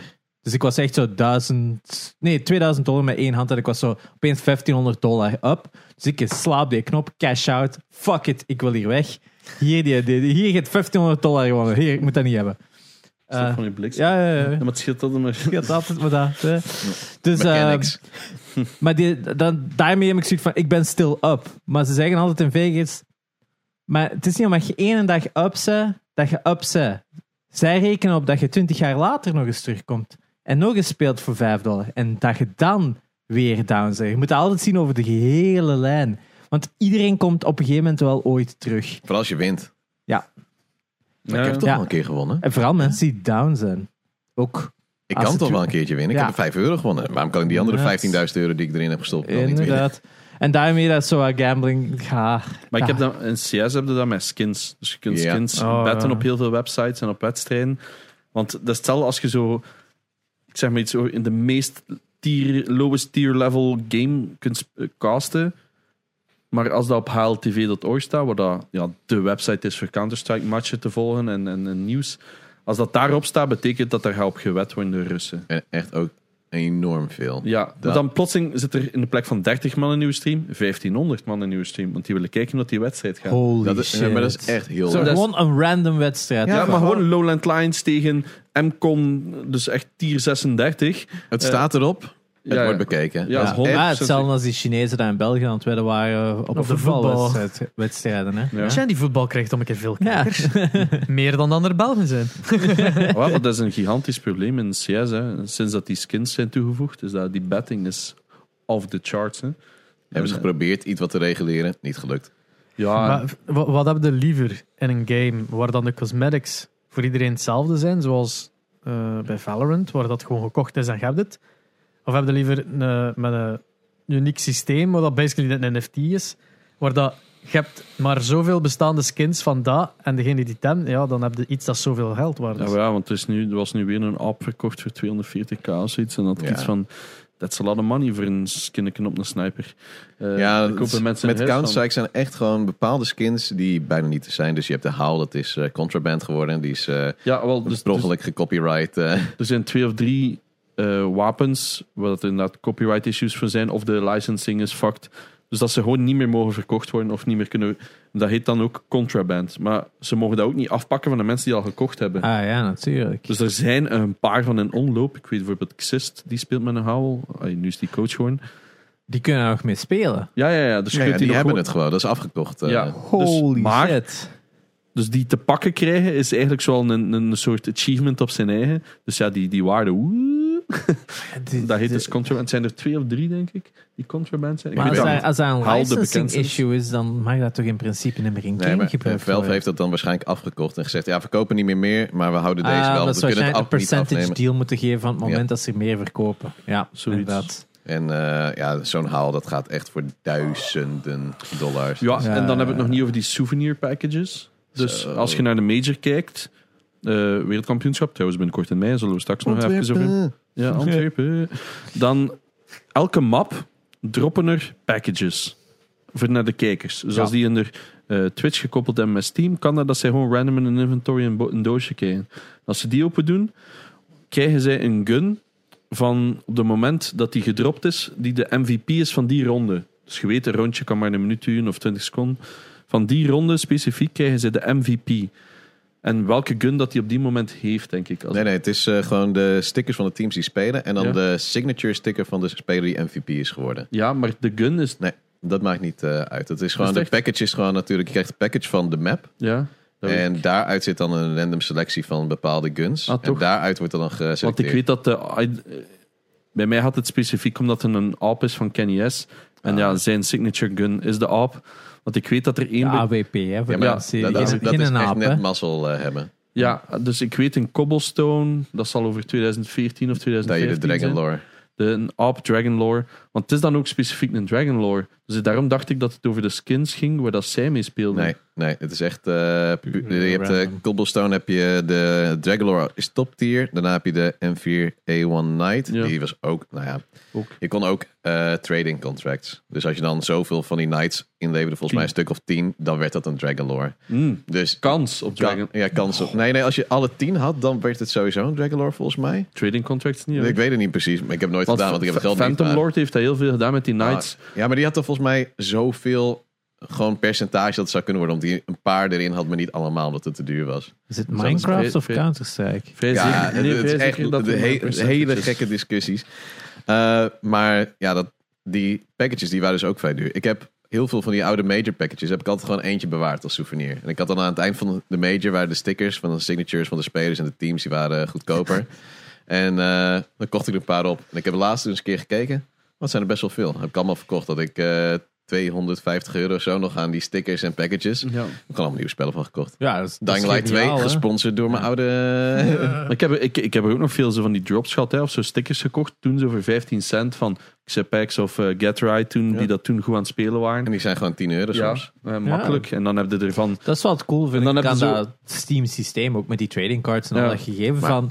Hoeveel Ja. zij daaraan verdienen? Dat was toen in Ja, ze 2000... pakken daar eens 20% of zo 30. van? 30%. In 2019 was er toen eens een keer een post op. Had iemand dat berekend met hoeveel eh, skins, ja. dingen werden verkocht. Dat was volgens mij per kwartaal 180 miljoen dollar. Puur aan CS? Ja, gewoon aan... Alleen, niet, maar- alleen, ja, misschien wel meer, Ja. maar het gewoon... aan Ah nee, per- maar het zal ehm, omzet versus winst misschien geweest zijn. Ja, maar dat is een 180 miljoen wat zij kregen. Maar ja, daarom, dat is de Gewoon winst. per kwartaal. En daar hoeven ze niks voor te doen. Die, Ja. die skins die zaten er al in. Die zijn al een keer Ja. verkocht, hebben ze geld opgepakt. Weer nog een keer verkocht. Weer geld. Ja, want Ja. elke keer als dat herverkocht wordt op de Steam Market, Yes. krijgen ze er nog een keer 30% op. Dat is eigenlijk alles wat je op de Steam Market verkoopt, moet je altijd 30% van laten vallen. Laughing all the way to the bank. Ja, dat is echt een van de slimste systemen. Dat is, En, dat en als je iets voor gevonden. 3 cent verkoopt, krijg je er maar 1 cent. Ja. Dus dan pakken zij 2 cent op. Dus, Maar ja, dat gaat over miljoenen keer 2 cent, ja. En ze Ja. hebben in principe geen transactiekosten, hè, want het is een intern systeem. Nee. Hun eigen betaling eh, portefeuille. Ja, Ja. Ja. Ze hebben wel nog PayPal transactions. natuurlijk. en Maar Maar, het in is principe, puur dat geld zit er al in. Hè? Ja, het gaat van uw wallet naar een andere wallet. Het is, je topt uw wallet gewoon. Hè. Dat is de Het enige. blijft erin zitten. Ja, blijft erin zitten, hè? inderdaad. Want ik heb ook al allemaal van die trading cards. Hop, verkocht en om een duur, ah, ik kan een game kopen. Ja, een, een neef van Ik- mij die doet dat. Die koopt allemaal van die games zo via Humble Bundle en whatever of zo. En die, gewoon, die laat die allemaal automatisch lopen. Al die trading cards daaruit halen en verkoopt die gewoon. En met die opbrengsten kan hij gewoon terug nieuwe games kopen. Gewoon door dat te automaten. Dus het is Ja. echt gewoon van, alright, cool. Ja, vroeger, vroeger had je EFK-servers in Counter-Strike. Ja. En dan gewoon kistjes farmen. En dan had ik soms zo'n 50 euro op de avond als je een goede kist had, kist Ja. had. Dat was toen dat dat nog veel waard was, maar hebben ze dan geblokt, die EFK's.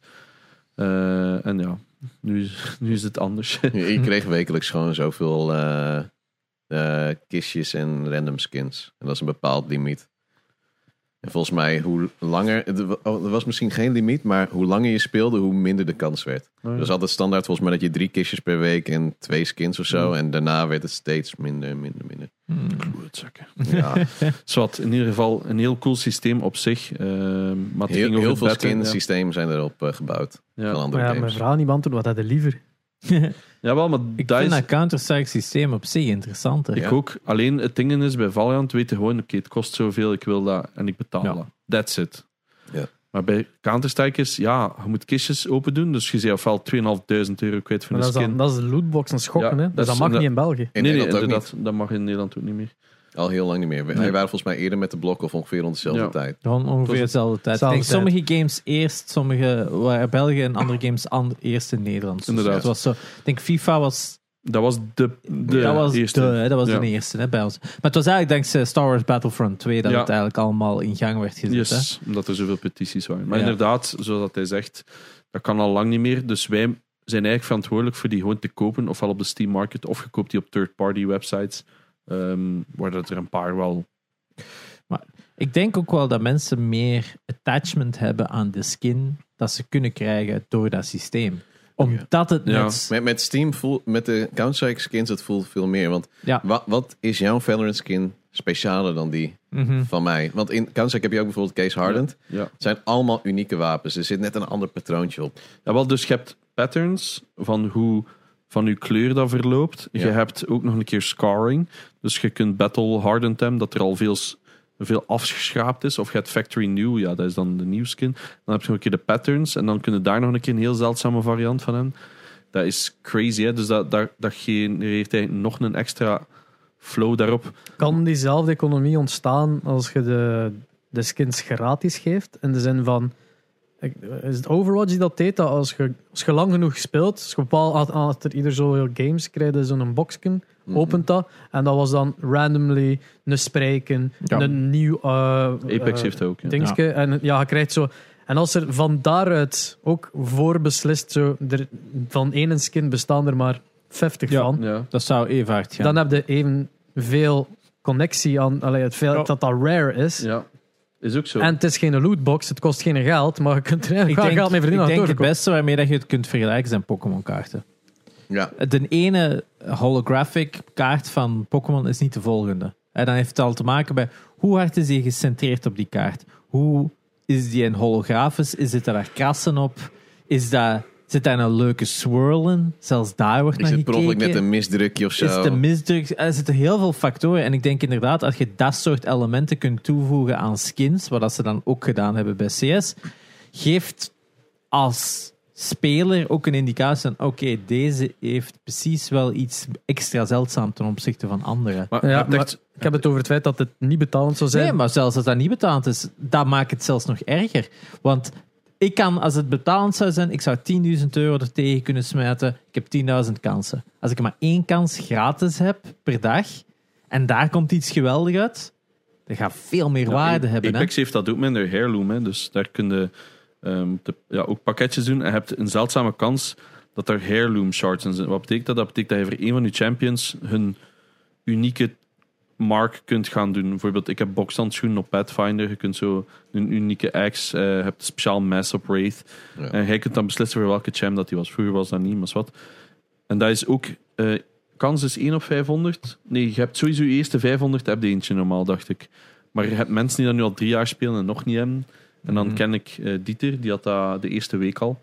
Ja, maar die, hebben, die, die snappen die waarde dan nog niet. Ja. Ja. Ik ken iemand die zijn één case ooit geopend heeft op CS.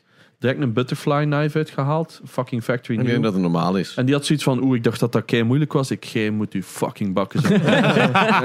Dat is niet normaal. Maar ik denk hetzelfde is gelijk bij Pokémon kaarten. Je kunt een kei dure kaart kopen, je hebt die.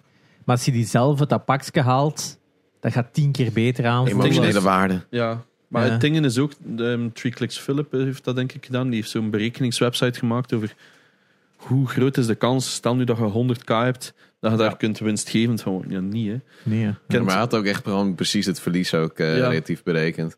Maar, want Motar 2K heeft dat gedaan, dat weet ik. Dus dat is een van de rijkste namen in CS. Dus dat is zo'n Oli Sheik-achtig ding. Ja. Ehm, Je hebt Pasha Biceps een huis gesponsord eigenlijk. ja, zoiets. Ja, daar komt het wel op neer. Ja. Dus die gaan zo bij heel veel pros langs, donate die keiveel geld. Iedereen dacht dat dat fake was, but it isn't. Nee. Bijvoorbeeld ook um, Brax, wat dat een van de grootste talenten was in, ooit in Counter-Strike. Die is dan geband geweest eh, door matchfixing. Ja, klopt. Met Eh, I by Power, daarom zijn de I by Power stickers ook Voilà. heel duur. Ik ging net iets, ik zal zeggen, de stickers die ooit konden gekocht worden van dat team, zijn dus fucking duur. Omdat, ja, door die history, want die zijn dan geband geweest. Oh, Zwat. shit. Die heeft Brax laten invliegen naar zijn huis om die persoonlijk privé-training te krijgen Counter-Strike, omdat hij het gevoel had dat hij niet zo goed was. En je snapt je, dus die he- heeft wel wat geld. En die heeft ooit zo'n stream ook gedaan, 2.500 kistjes gewoon laten openen. Iemand betaald om die te laten open doen, want hij wou het zelf niet doen. En dan gewoon alles wat erin zat gewoon weer weggegeven Oh. aan de stream. Ja, Ja, maar dan ook Pasha Biceps, dat is natuurlijk een van de meest legendarische Counter-Strike spelers. Is nu tegenwoordig zelfs eh, MMA. MMA-fighter. Heeft over laatst zijn eerste official fight gehad. Gewonnen. Damn. Gewonnen. Ja, Ja, maar dude, Niet simpel. Ik zoek die een keer. heb ik die niet laten zien? Je hebt die laten zien dat als die kill die zo fucking... Dude, iedere keer ja, dat hem zal winnen. Ja. Speaking of MMA. Ik ga nog een segue, omdat nu de moment is. eh, voor, voor nieuws. Er is eigenlijk niet veel nieuws geweest van games deze week. Buiten dat een nieuwe Street Fighter is Ah ja, aangekondigd. dat is waar. Street Fighter 6. Met Kevin.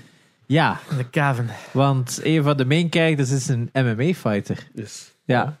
Dus het is zo raar voor Street Fighter natuurlijk. Of ja, Street Fighter heeft alles, allerhande soorten fighters. Hè.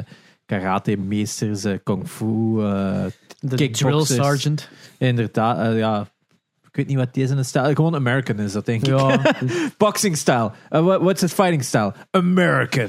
ik, wil zo, Eh, ik wil zo'n een, een old-fashioned ehm, eh, English boxer. Die Zit zo met zo'n snor. Dudley. zo- Dudley. Die echt zo... je ja, bastard.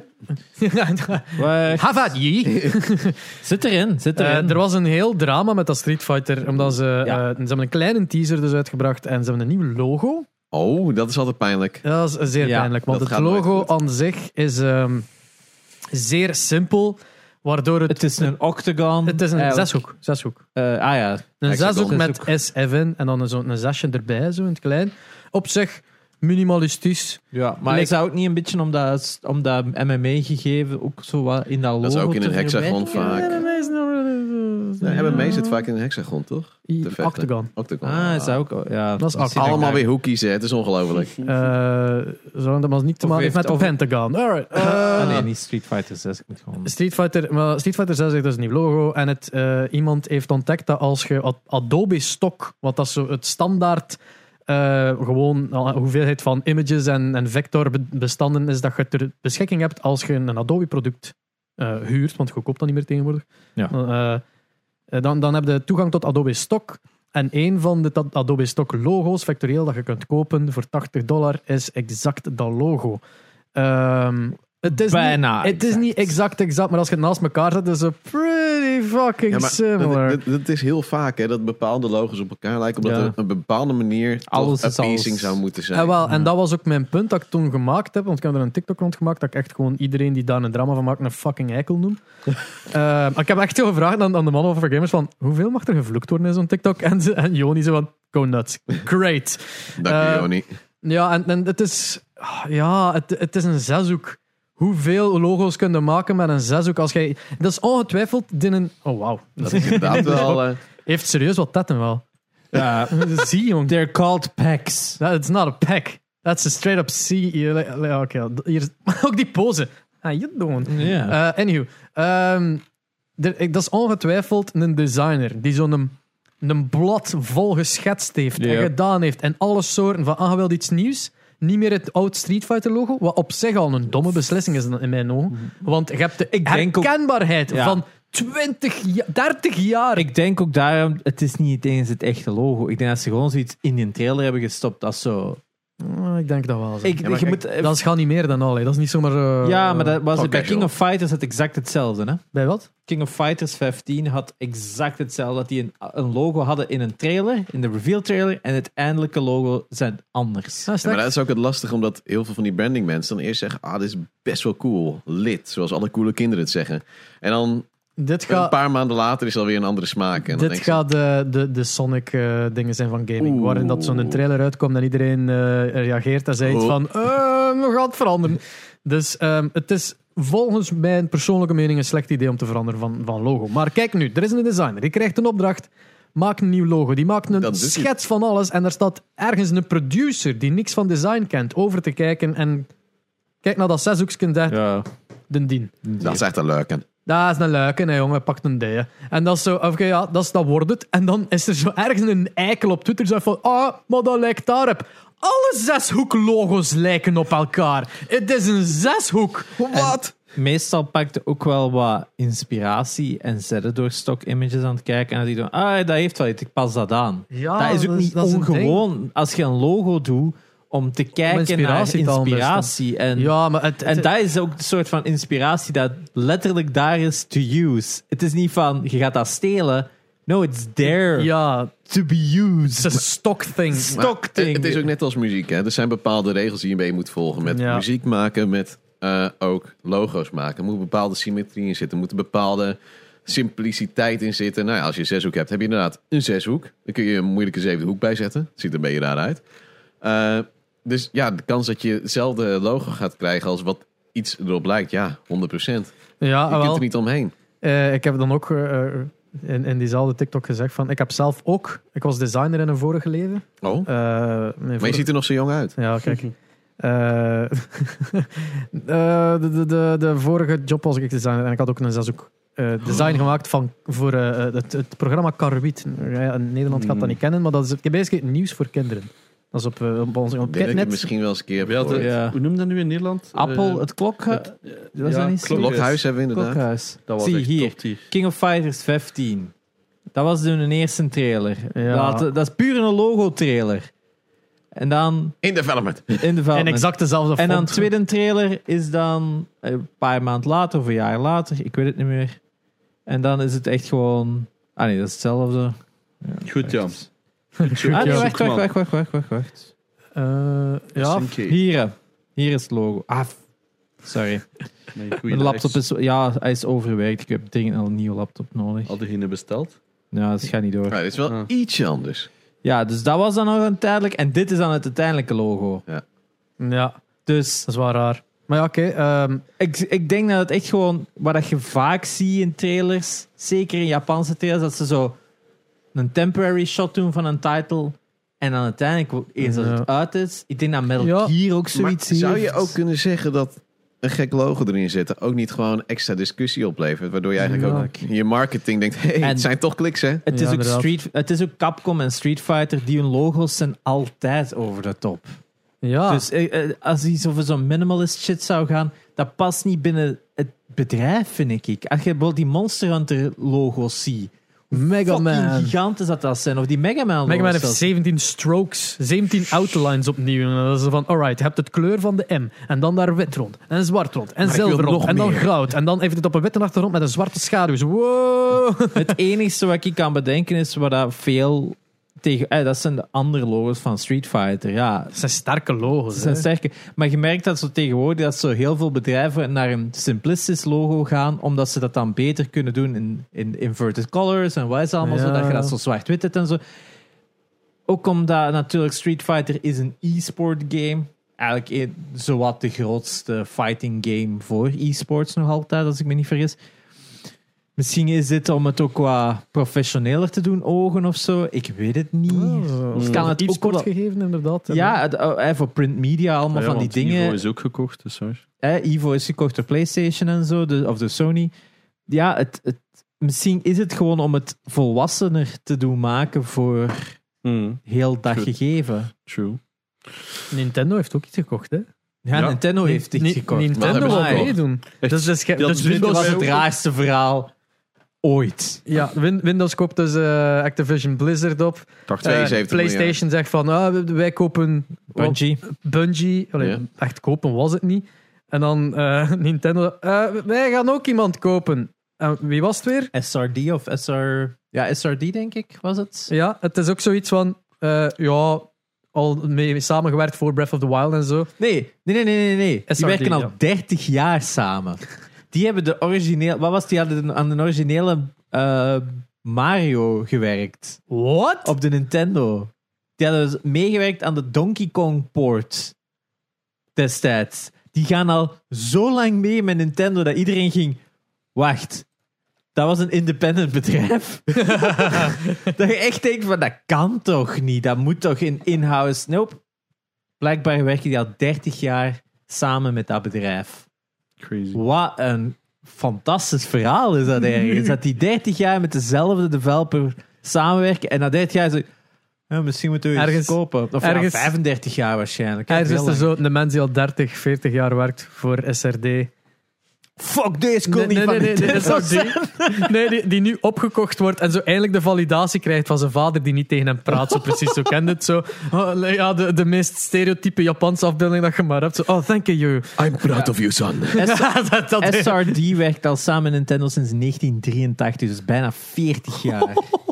I've never told you this, Ja. but you're like a son to me. They even, had, a, they even had a hand in making the original Super Mario Bros. and Legend of Zelda games. Dat is the original. Jesus dat is crazy. Ik was nog niet eens geboren. Ja. Wij, wij- wij ook niet hoor. Jawel. Zie je mijn terugtrekkende haarlijn? eh begint tot te twijfelen. Ehm, ik wou, nog, allee, ik wou sowieso nog wat, wat vragen stellen over, over cast, omdat jij bent nu zoveel jaar bezig aan het casten. Vier jaar, hè, als ik het nu goed begrijp. ja, 2008. vijf jaar als je ook de amateurfase erbij neemt. ja, maar pakt vier jaar Fulltime. pro- prof. Ja. Vlaams, merendeels. Eh, allee, Nederlands, sorry. Ja, ja, ook wel een beetje Vlaams. Hè? Ja, want je, je bent officieel community manager nu voor Meta. Ja. We hebben Joni hier al gehad van Meta. Het is hier gewoon een, een circle jerk met Meta. Oh my god. Ehm, nee, ja. Eh, dus we zijn... Counter-Strike specifiek, right? Ja, ja Counter-Strike is... eh, en ik doe ook een beetje Rainbow Six erbij, omdat ik natuurlijk ook eh, Ja. met Ubisoft al heel veel jaar heb eh, gewerkt. Leg eens uit, wat is een community manager? Ja, het is een vrij breed begrip natuurlijk. Hangt ook een beetje vanaf waar je werkt, hoe het allemaal wordt geregeld. Oh ja, wat is Eh, uw rol? Ja, ik ben eigenlijk ook voornamelijk heel erg een adviserende rol.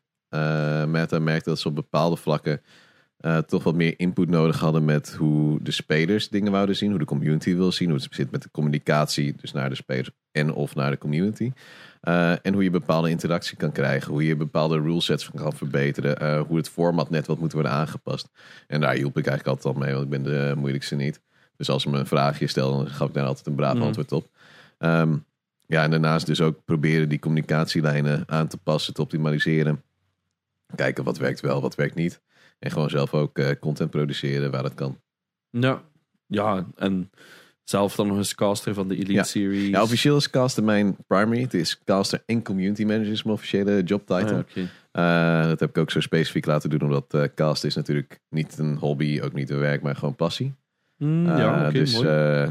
ik ben er gewoon per ongeluk ingerold en het is nog altijd een droombaan. En ik zei, ook, dat wil ik ook niet kwijt. Oh, want je hebt ook een tijdje in het Engels gecast. Ja. In het begin was alles lekker Engels. En ik vind het heel cool dat je zegt van oké, ja, fuck it, ik doe het in het Nederlands. Ik weet niet hoe ver dat een bewuste keuze is. nou, dat is deels ook vanuit Twitch eh, toen nooit eens een keer een ding gekomen. We deden echt in de Benelux alles in Engels. Hè? Want je Mhm. denkt, de wereld is dan aan je voeten. Ja, ja. Totdat Twitch in één keer binnenliep en zei... Hey, maar jongens, wil je frontpage krijgen? Moet je wel in het Nederlands.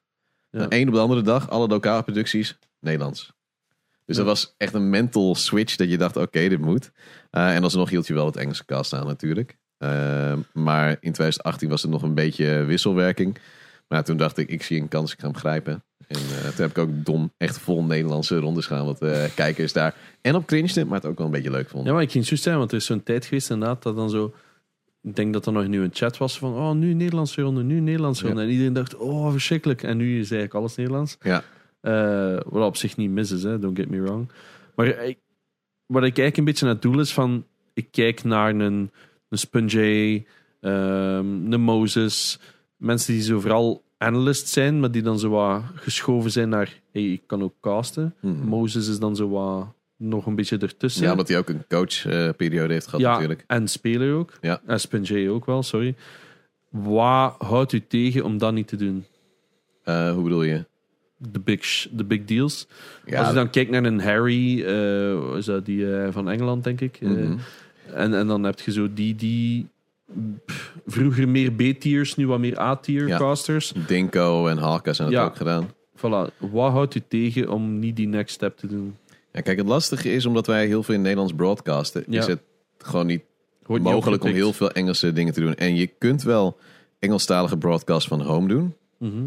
maar qua uurverdiensten, qua input die je qua werk moest leveren, was dat vaak niet worth. En aangezien ik eigenlijk ook op lokale basis al een best wel goed inkomen had, ik had soms een internationaal klusje erbij, was voor mij de nood ook niet om dat te gaan doen. Mhm. En als je dan kijkt wat je soms per uur krijgt en daar dan per uur krijgt en daar dan een hele dag voor kwijt bent, terwijl je al, nou ik heb dan soms in november, was ik gewoon echt de hele maand aan het werk. Heb ik gewoon 26 dagen op rij gecast Mm. en dan de helft van de dagen waren 14 uur per dag. Ja, herinner me. Ja, dan ga ik niet nog voor een hongerloontje nog even Ja. casual voor mijn doorbraak eh, casten. Dan, dat kan me gestolen worden. En het is ook, het probleem is, heel veel is meer netwerk dan talent hebben. Ja. Dat sowieso, maar Ja, dat is een veel... Dat is bijna elke ja. job, hè? En ik heb één keer in Katowice mogen casten. De closed qualifier voor Europa voor de daadwerkelijke major in Katowice. En dat is eh, qua CSGO cast natuurlijk nog eh, mijn Die is- prime geweest. Eind 2018 was dat. Dat kwam dus ook omdat ik dat Nederlands heb gedaan. Stond ik in de radar van ISL. Ja. Vijf dagen voordat ik erheen moest, werd ik gevraagd. Yo, kun je over vijf dagen naar uh, Katowice vliegen? Ik zei, ehm, ja best. Eh, waarom niet? Eh, dus ik eh, spullen pakken, prima. En ik ben er naartoe gegaan. Ze wouden, had ook mijn vlucht geboekt. Big Brain Play. Ja. Het was tegelijk ook de klimaatop in Katowice. Dus je, we moesten in Krakau landen, anderhalf uur met de taxi. Ons hotel zat ook in Krakau, elke dag anderhalf uur met de taxi. Jesus. Maar ze hadden mijn vlucht van Amsterdam naar Krakau geboekt. ja. En ik kreeg de flightband terug van Krakau naar Dublin. Dus ik zei, ehm, waarom hebben jullie mij geboekt voor terug naar Dublin? Ehm, ik zal even navragen. Hadden ze dus 1500 euro betaald voor vliegtickets naar de verkeerde plek. Dus moesten ze nog een keer boeken. Dus eh, in principe heb ik eh, ergens een lege stoel gelaten. Ouch. maar daarna, de kans dat je daartussen komt is zo klein. Ik had geen vaste duo. Dat is heel belangrijk Vind ik ook. om ja. internationaal door te breken. Want je kunt heel moeilijk gaan mixen. En ja, dat Katowice ding, dat was mijn eerste internationale show. Ik was bloednerveus. Ook op bloedneus op cast gehad, live. Oh ja, dat is waar, ja. Heb ik de hele tijd zo moeten zitten, zodat het niet in beeld kwam. Dat is echt een hele fijne positie.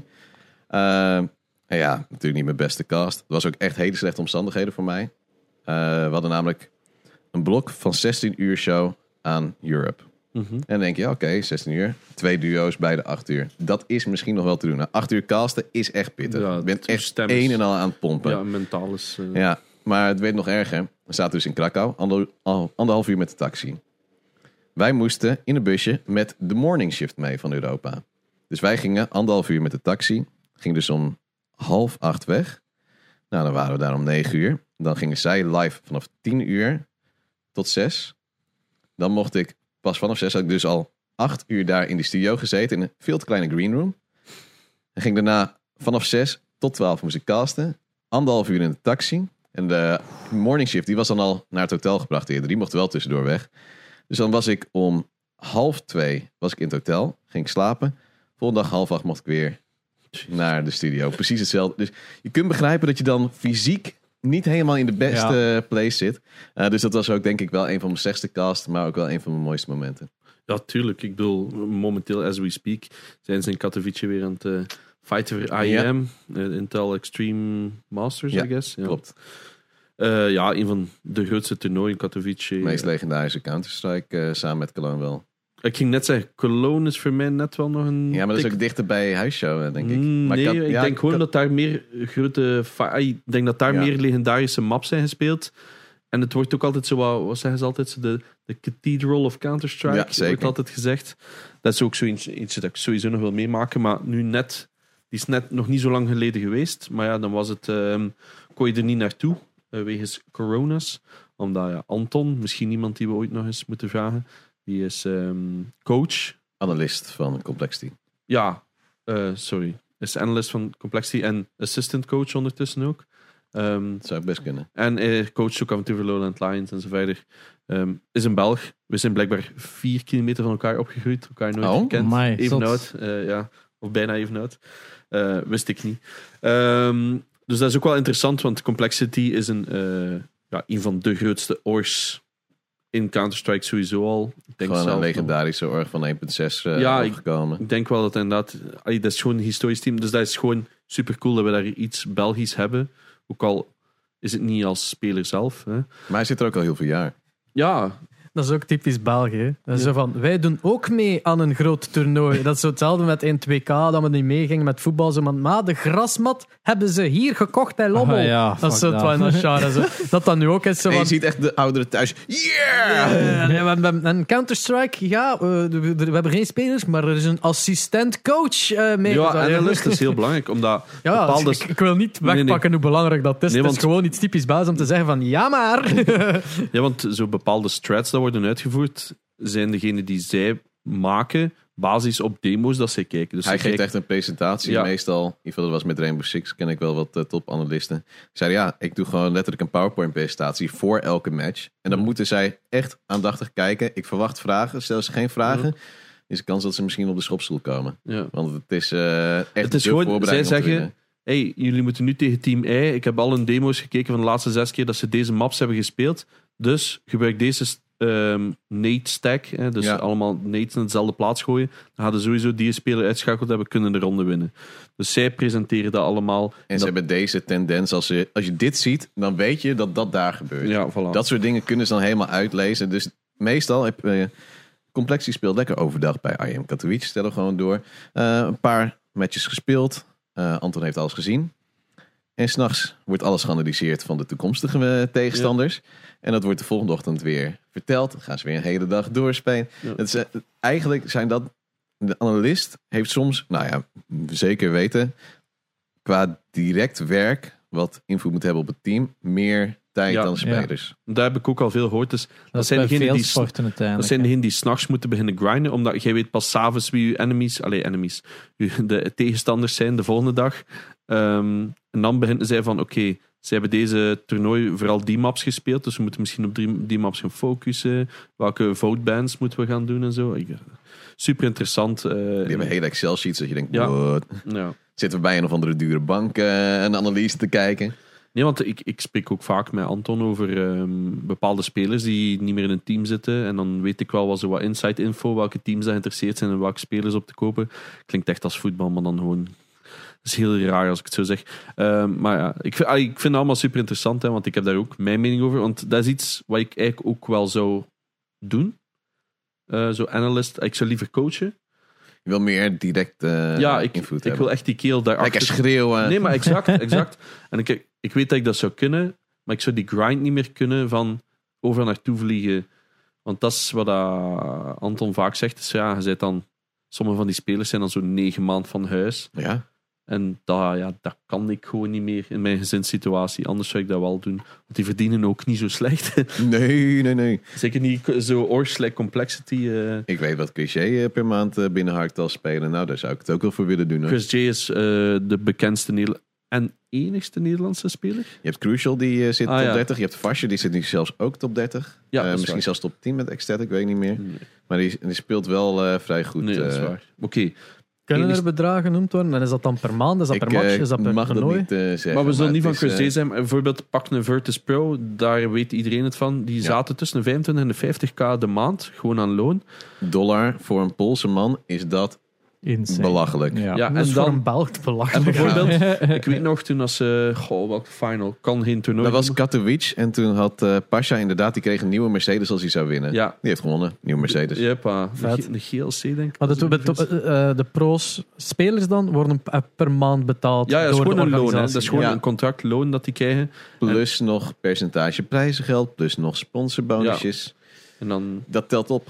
En wetende dat Shroud toch eens gaan fulltime streamen, omdat Ja. dan nog meer verdiende. Hij had, Amai. hij had 30k subs, hè? ja, zot, hè? Consistent. Als je 30k subs hebt, nou, dan heeft hij waarschijnlijk ook nog een goed contractje met Twitch. Hij heeft nog sponsoren. Nou ja, ja, dat ik- eh, net gaat zeggen. hard met zijn views. ja en, en het is dan niet alleen, het was niet alleen het, het geld dat voor hem moeilijk was. Het was vooral de moeite versus het geld. Ja. Van, voor hem was ook die travel heel annoying. Oh, ik word wakker.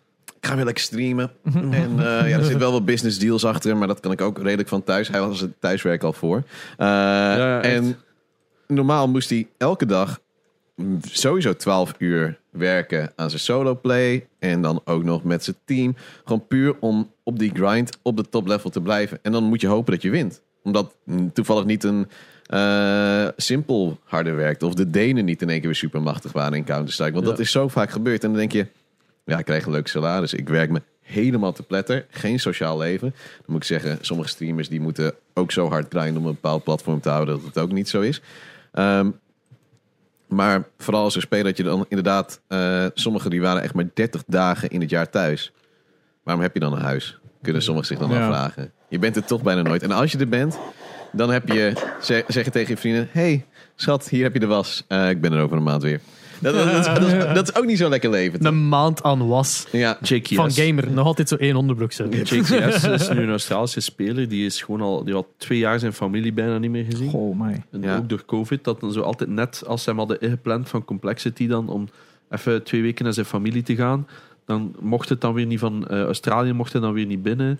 En dan, ja, het is gewoon zielig, hè. Woont hij ergens in een appartementje in Londen, eventjes. Eh, ik bedoel, is dat wat ik zeg, die grind zou ik niet meer kunnen. Nee, ik heb eh, wel eens met eh, Crucial gesproken. Dat is natuurlijk eh, de tweede bekendste Ja. Counter-Strike-speler.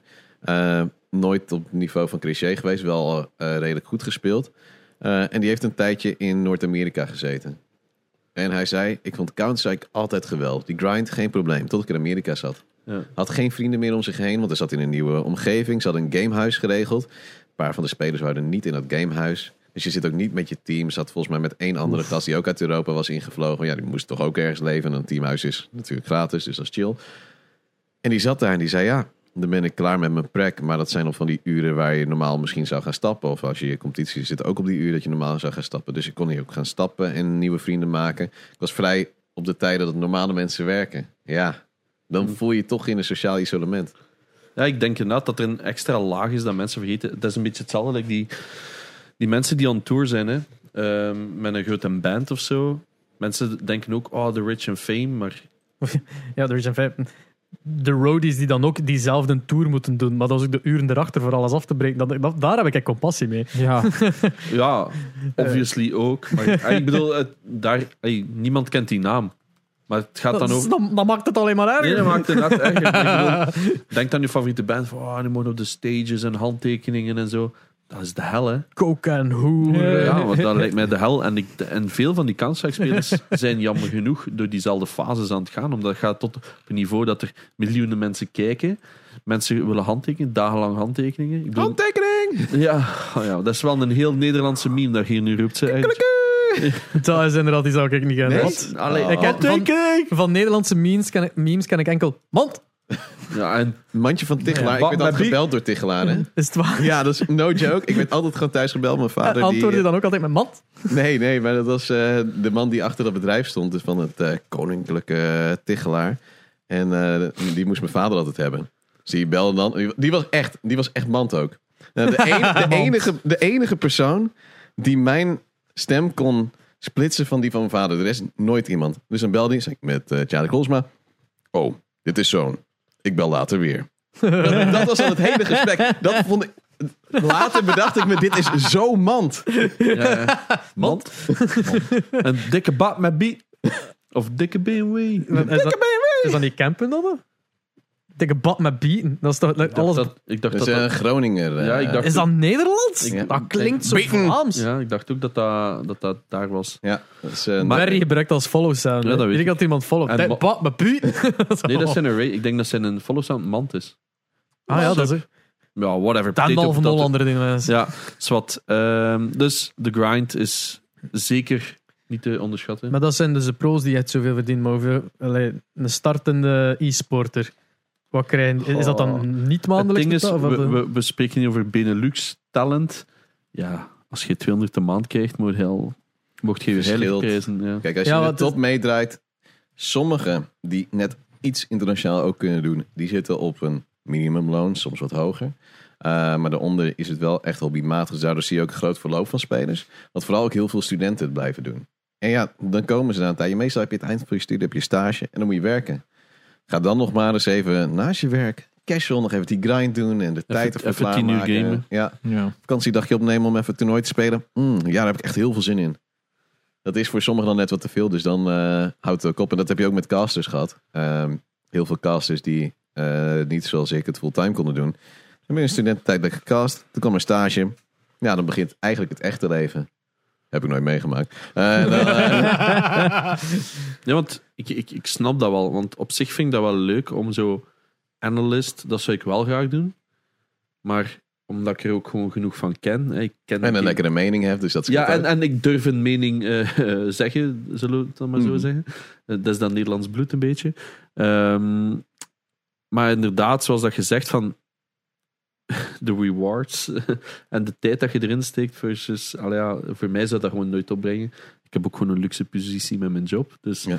ik hoef dat niet te doen. Maar ik co-host nu die Elite Series, ja, voor letterlijk peanuts. Hè, daar kom ik normaal mijn bed niet voor uit. Maar eh, ja, dat vind ik gewoon leuk, omdat ik kan zeggen, ah, you suck. Het is ook wel amusant om dat te kijken, omdat je... Allee, de streams zijn meestal zo chill, maar af en toe wat, like, meestal wel over de game zo wat vloeken op whoever dat één speelt en dan af en toe wat babbelen over bepaalde dingen. Maar die, als je dan naar CSGO aan het kijken bent, dan zijn je echt De passie non-stop aan het praten. En echt ieder detail kunnen ze van, ah, die had dat moeten doen. Uiteindelijk zo daar, zo, ah ja, hier is een mooie shot en dergelijke gehad voor de dingen. En dan soms van die termen dat ik ken. Nu ken ik het one dig en al van die zulke, maar hey, Ze groeien zo snel op.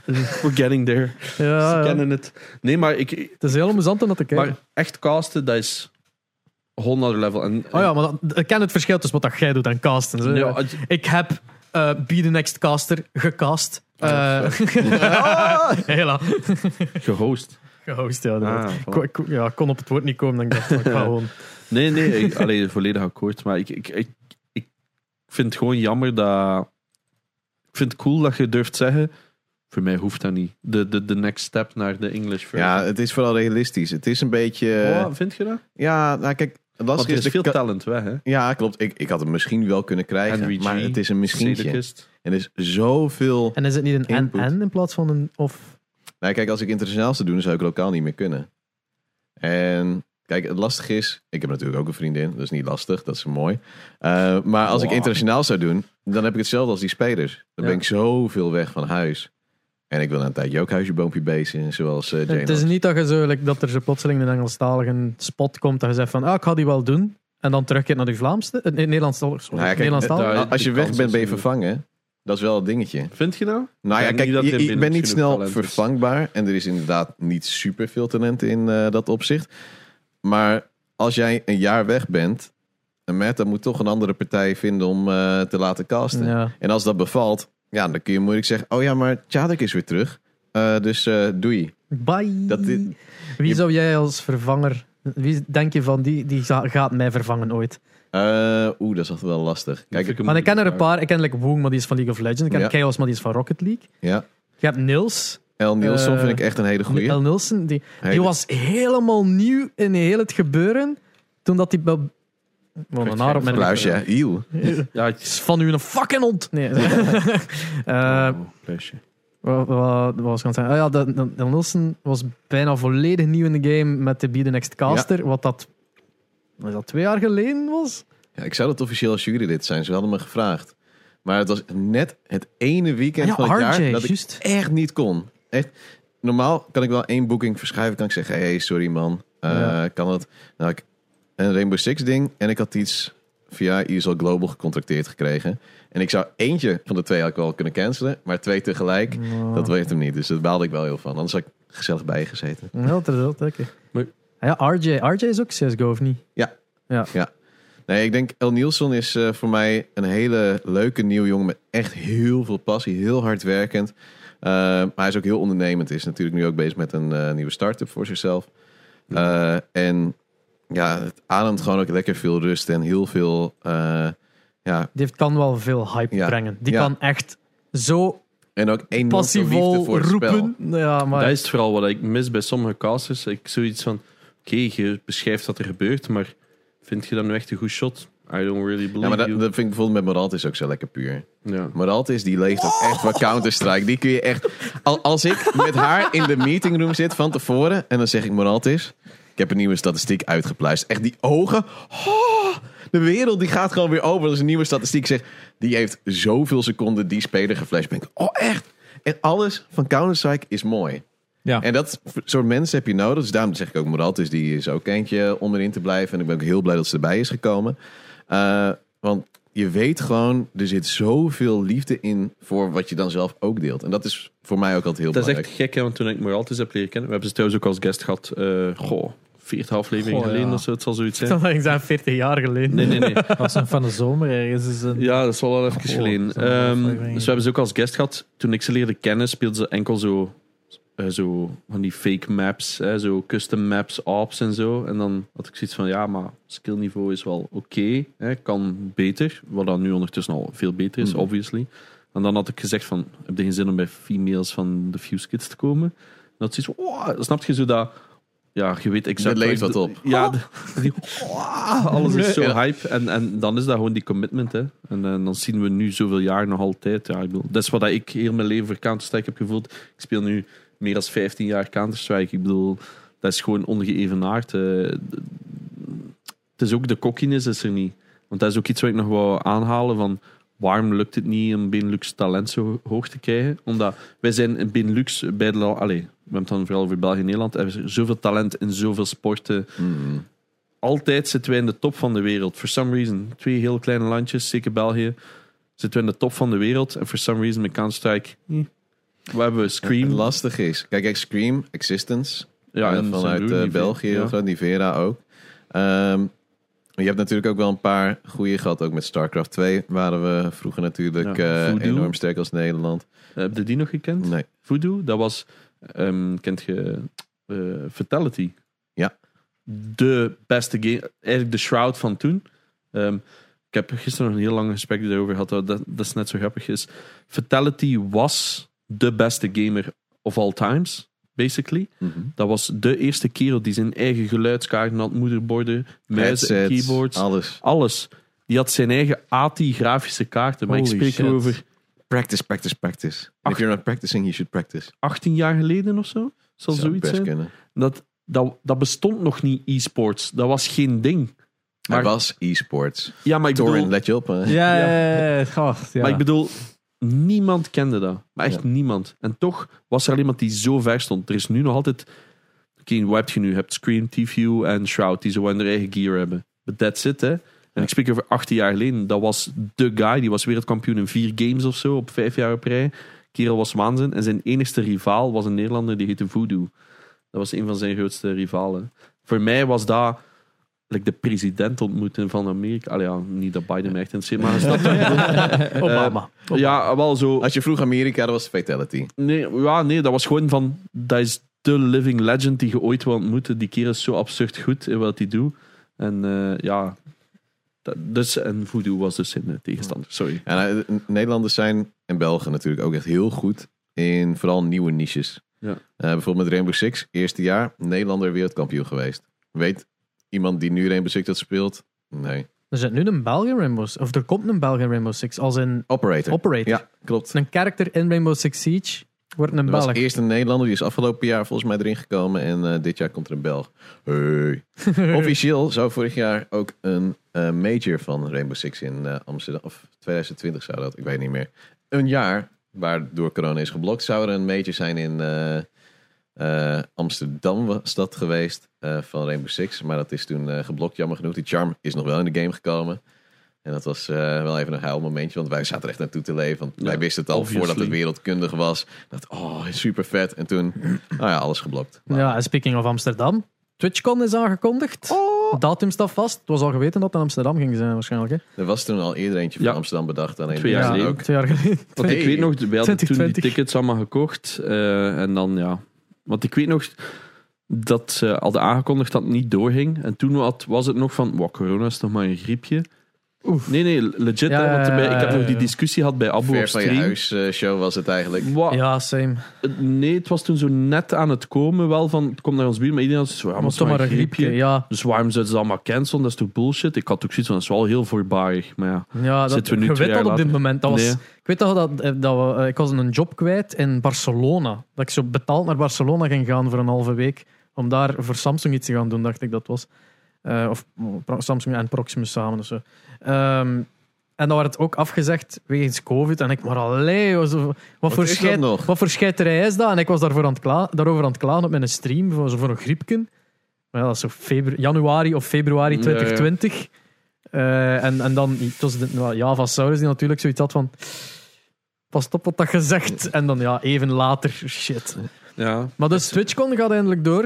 Dit jaar. 16, 17 juli of zo. Ja, eh, tickets zijn nog niet te koop, maar de, alle April hotels pas. zijn wel al uit.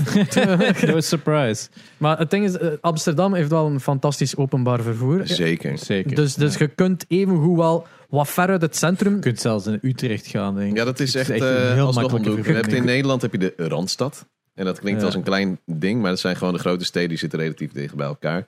Eh, binnen een uur rijden van de Randstad, huizenprijzen, drama heb ik gemerkt. Dus ik zit net een kwartiertje buiten dat uurreizen. Ja. Want dat was het nog wel betaalbaar in Nederlandse Mhm. termen.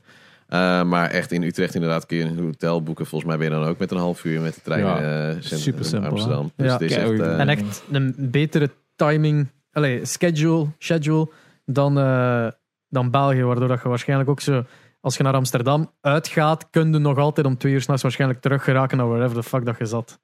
Dus, of de volgende aan ochtend. iedereen- en wat maakt het Ik uit? heb een hotel geboekt aan de overkant. Hey. ah, dan dan. Ja, Ga je één zwemmen? kamer. Zwembroek mee? Ik heb een eh, solokamer, 480 euro. Oh. Amai, amai, amai, amai. Ouch. Dus we gaan geen herhalingen van Berlijn of We wat? hebben geprobeerd, je vindt niks. Je vindt niks. Dus, eh, het kan nog, hè. we zijn aan het kijken, maar eh, je vindt gewoon niks.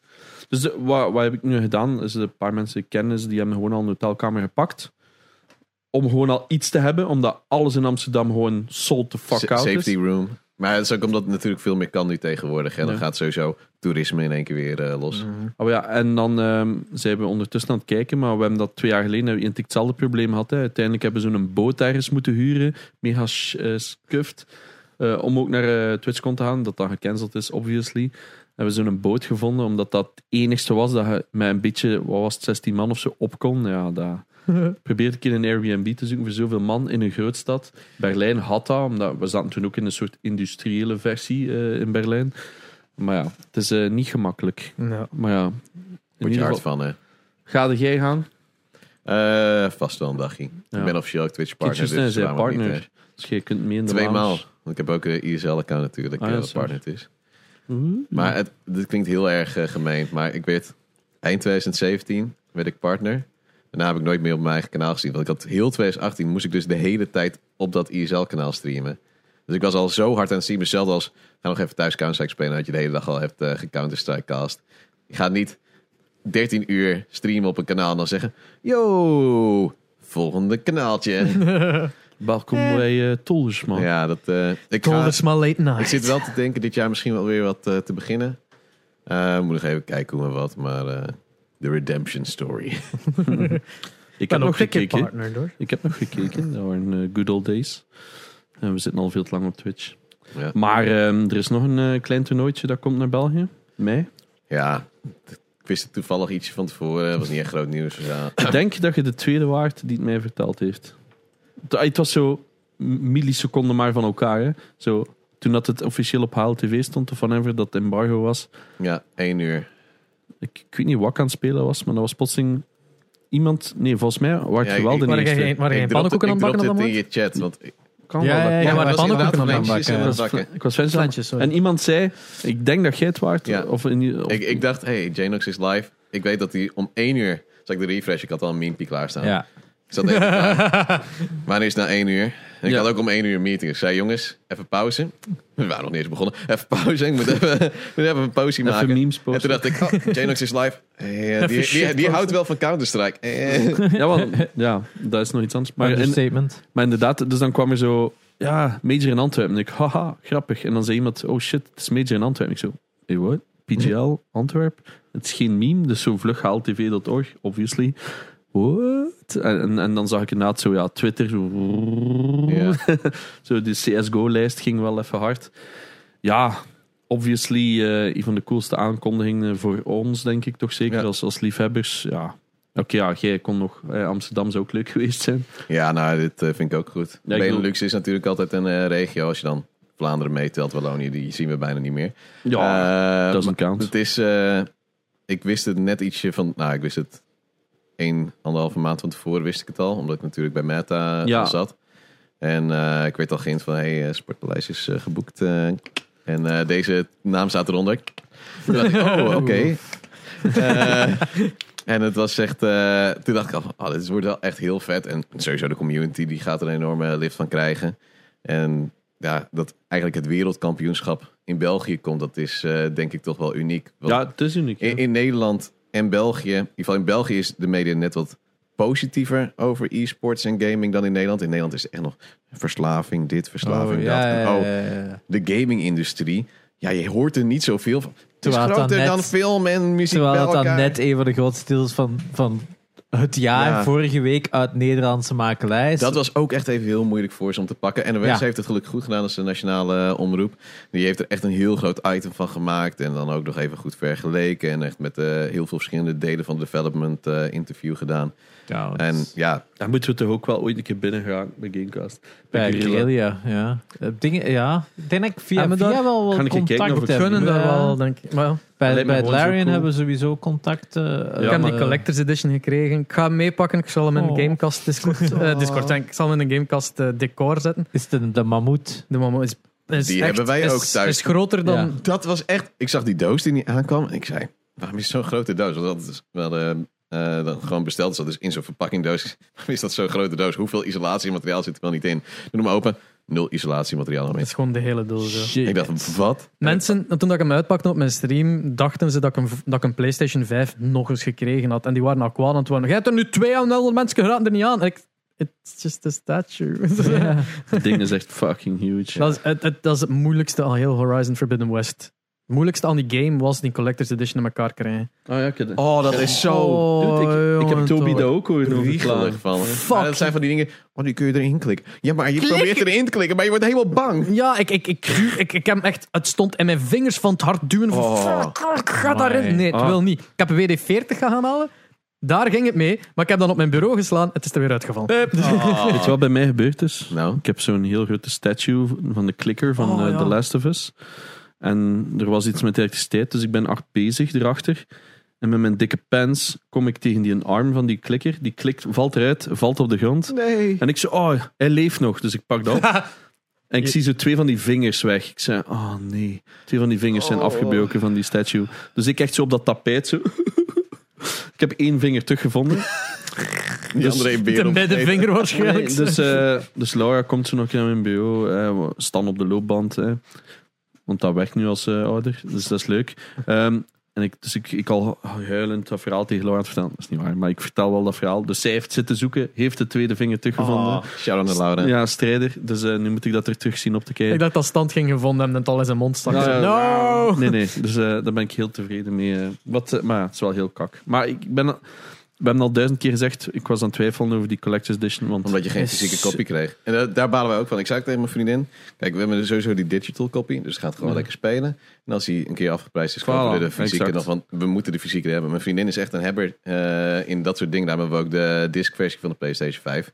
Heel tastbaar. Hebben. Ja, maar Ja. stel mij eh, dat van Nathan ehm, Uncharted 10 euro de upgrade, maar heb dan de physical niet. En dus ja, wacht als we de physical kunnen kopen. Kina hetzelfde, omdat je dan twee maanden moest wachten of wat was. Ja, Ik heb hem ook nog niet, maar die komt er nog. GTA heb ik ook digital gekocht, omdat die ook pas later kwam. Ah, nee, die heb ik physical. Ah, maar dat is de PS4-versie. Ah ja, dat is PS4 inderdaad. En zie je, en dan heb ik zoiets van, ja, maar Ah, dat vind ik nu niet zo erg. Oh, Dat ja. is PS4 versus PS5. ik heb niet zoveel PS4. Ja, Vooral zo'n fanatieke collector als jij. Je- niet meer, hè? nee, Niet nee, meer. maar alsnog wil je het wel hebben. Het, blijft, het beestje blijft hetzelfde, hè? ja nee, ja. maar, maar true, maar ik ben gewoon veel selector. Hè? Zeker in eh, PlayStation stuff. Ik bedoel, Xbox is natuurlijk mijn favoriet. Ehm, Ik kan mijn, eh, kan mijn, de, de, de mammoet, die dus zo groot is als een PlayStation 5. eh, Ja, maar hoe ga je dan nog de gast zien? eh, Ja, eh, inderdaad. je gaat- maar ja, nu staat er ook wel een big ass Xbox voor u. Dus, ja, dat is eh, waar. ehm, en de camera staat voor u daar. Oh. Dus. Eh, dus ja, we gaan een plaatje zoeken ervoor. En misschien met eh, Aloy dat we daar al hebben staan erbij. Maar Aloy zit erbij en die is maar zo groot. Omdat dat in, oh. in, In scale. in scale naast die mammoet moet, dat dat zo wat past. Het is dat wel al kapot met een, met een olifant. Is dat kapot Echt? in de verpakking? Eh, de, er is van op zijn rug. Oh, je hebt de tusks, of, je hebt de eh, tusks die, die, die moeten erin klikken. En de slurf ook. Eh, de antennes hangen er nog op, maar je zo... Ja, eh, eh, de beweging was was zus. Maar er zijn zo die, die tonnetjes, zo die gascanisters, zo Ah. precies. Er hangen er vier op zijn rug. Eén ervan was er al af. oei. Die viel er zo like uit. Op het moment dat ik het Ik uit de plastic haal, like. Eh. Maar het ding is, het klopt wel, vind ik. Want ik leg die nu gewoon onder hem. En nu lijkt het alsof dat Aloy die er al heeft afgeschoten. Ah. Big braining het, jongen. Hè. Eh, ginormous stonks. Ik heb nog een klein verhaaltje dat ik wil vertellen. Ik heb hem al gepost op mijn Discord, daar heb ik wel wat spijt van. Ja. Ja, eh, Juist. Ah, dat is geweldig. Op de Discord van Gamecast. Nu uiteraard ook te volgen, jongens. Kijk zeker Deeltjes kanaal, zodat Petzorg harder moet werken. Ja. Ehm, ja, verhaaltje. Eh Petzorg, wederom, heeft de PS5 kunnen fixen voor mijn neefjes. Mijn neefjes zijn 10 en 13, eh zoontjes van mijn nicht. Ehm, die zien mij als hun grote idool, want Games. gamernaam, games, had een huis vol met games. Komen die ook altijd toe, games, games, games. Hè. Het zijn grote gamers. Ehm, ik, ik fix die PS5 via hem. Dus ik ben daar ook de oppergrot dat ik dat heb kunnen leveren. Ehm, maar lang verhaal, ze hadden een PS4 Pro van mij geleend en ze hadden een account aangemaakt en dat stond plotseling aan mij gekoppeld als ouder. Zwat. Dus eh, in mijn PlayStation ding sta ik als ouder, want ik was daar nog op ingelogd. Lang verhaal kort, ze hebben zo'n kinderprofiel. En je kunt dat dus niet transferen als ouder. Dus je kunt geen kinderen transferen. Ja, Gelukkig maar. Ja, oké. samenstel je zin. Ja. Rip. ja want dat is dus super kut. Ehm, ik heb ook al contact gehad met PlayStation, veel miserie. Zwat. Mijn nicht had gewoon zoiets van laat het, het interesseert mij al niet meer, want zij had dan een account aangemaakt. Dus die staat er nu ook gewoon bij. Maar dus nu als die, dus die krijgen nu zo van die kaarten, PSN-kaarten. eh, en zij sturen mij die code en ik voeg dat gewoon vlug toe in de app of zo. Kost me niet veel tijd, I don't care. Maar als zij dus dingen kopen in de store, krijg ik daar een mailtje van. Fortnite coins, whatever. Hè? Bedankt voor uw aankoop. Ja, bedankt en dat is voor- zo iedere keer met PlayStation Ja. Plus, die is oké. Dus I bought it for free. Bedankt voor uw aankoop. Ja. Ja. Maar 0 euro. Dus eergisteren of drie dagen geleden of zo, ik, ik ben nog een nachtraaf, zo'n twee uur s'nachts krijg ik zo'n mailtje, bedankt voor uw aankoop. Twee minuten na, bedankt voor uw aankoop. Ik zei, hmm, that's weird. Dus ik dacht, oké ja, soms zijn die mails wat delayed of eh, ze hebben s'nachts een badge gedaan van alles wat gebeurt. Maar toch in mijn achterhoofd dacht ik, meestal is dat instant, right? Of zo Ja. binnen vijf minuten Dat is redelijk instant. dat je die ja. mails krijgt. Dus ik stuur de volgende dag naar haar, naar mijn nicht. Zijn de kinderen bij u of bij eh, de, de vader? Ze zijn bij mij, omdat die vader is nogal losser op dat vlak. En ik dacht van, hmm, dat vind ik nu toch wel raar. Dus ik stuur een screenshot van, kijk, ik heb vannacht om twee uur een, eh, een mailtje gekregen. Dat dingen zijn aangekocht, maar ik wist aan dat zij daar iets streng in is. En zeker op die leeftijd zou me verbazen dat ze om twee uur op een schooldag eh, mochten spelen. Ja. Ze zegt, oei, dat vind ik raar. Het zou me verbazen, maar ik zal het straks een keer vragen. Dus ik had zo ook wel gezegd van, kijk, dat kan een badge zijn. Ik heb dat wat proberen uitleggen. Ik zeg, dat kan instant zijn, maar ik zei ook, dat zou mij verbazen. Maar ik zeg, ik wil het toch een keer vragen. Ik hoor daar niks meer van. hè. Ik ga verder met de dag. Ik krijg plotseling zo'n lang bericht van, oh nee. Ik zeg, oh oh.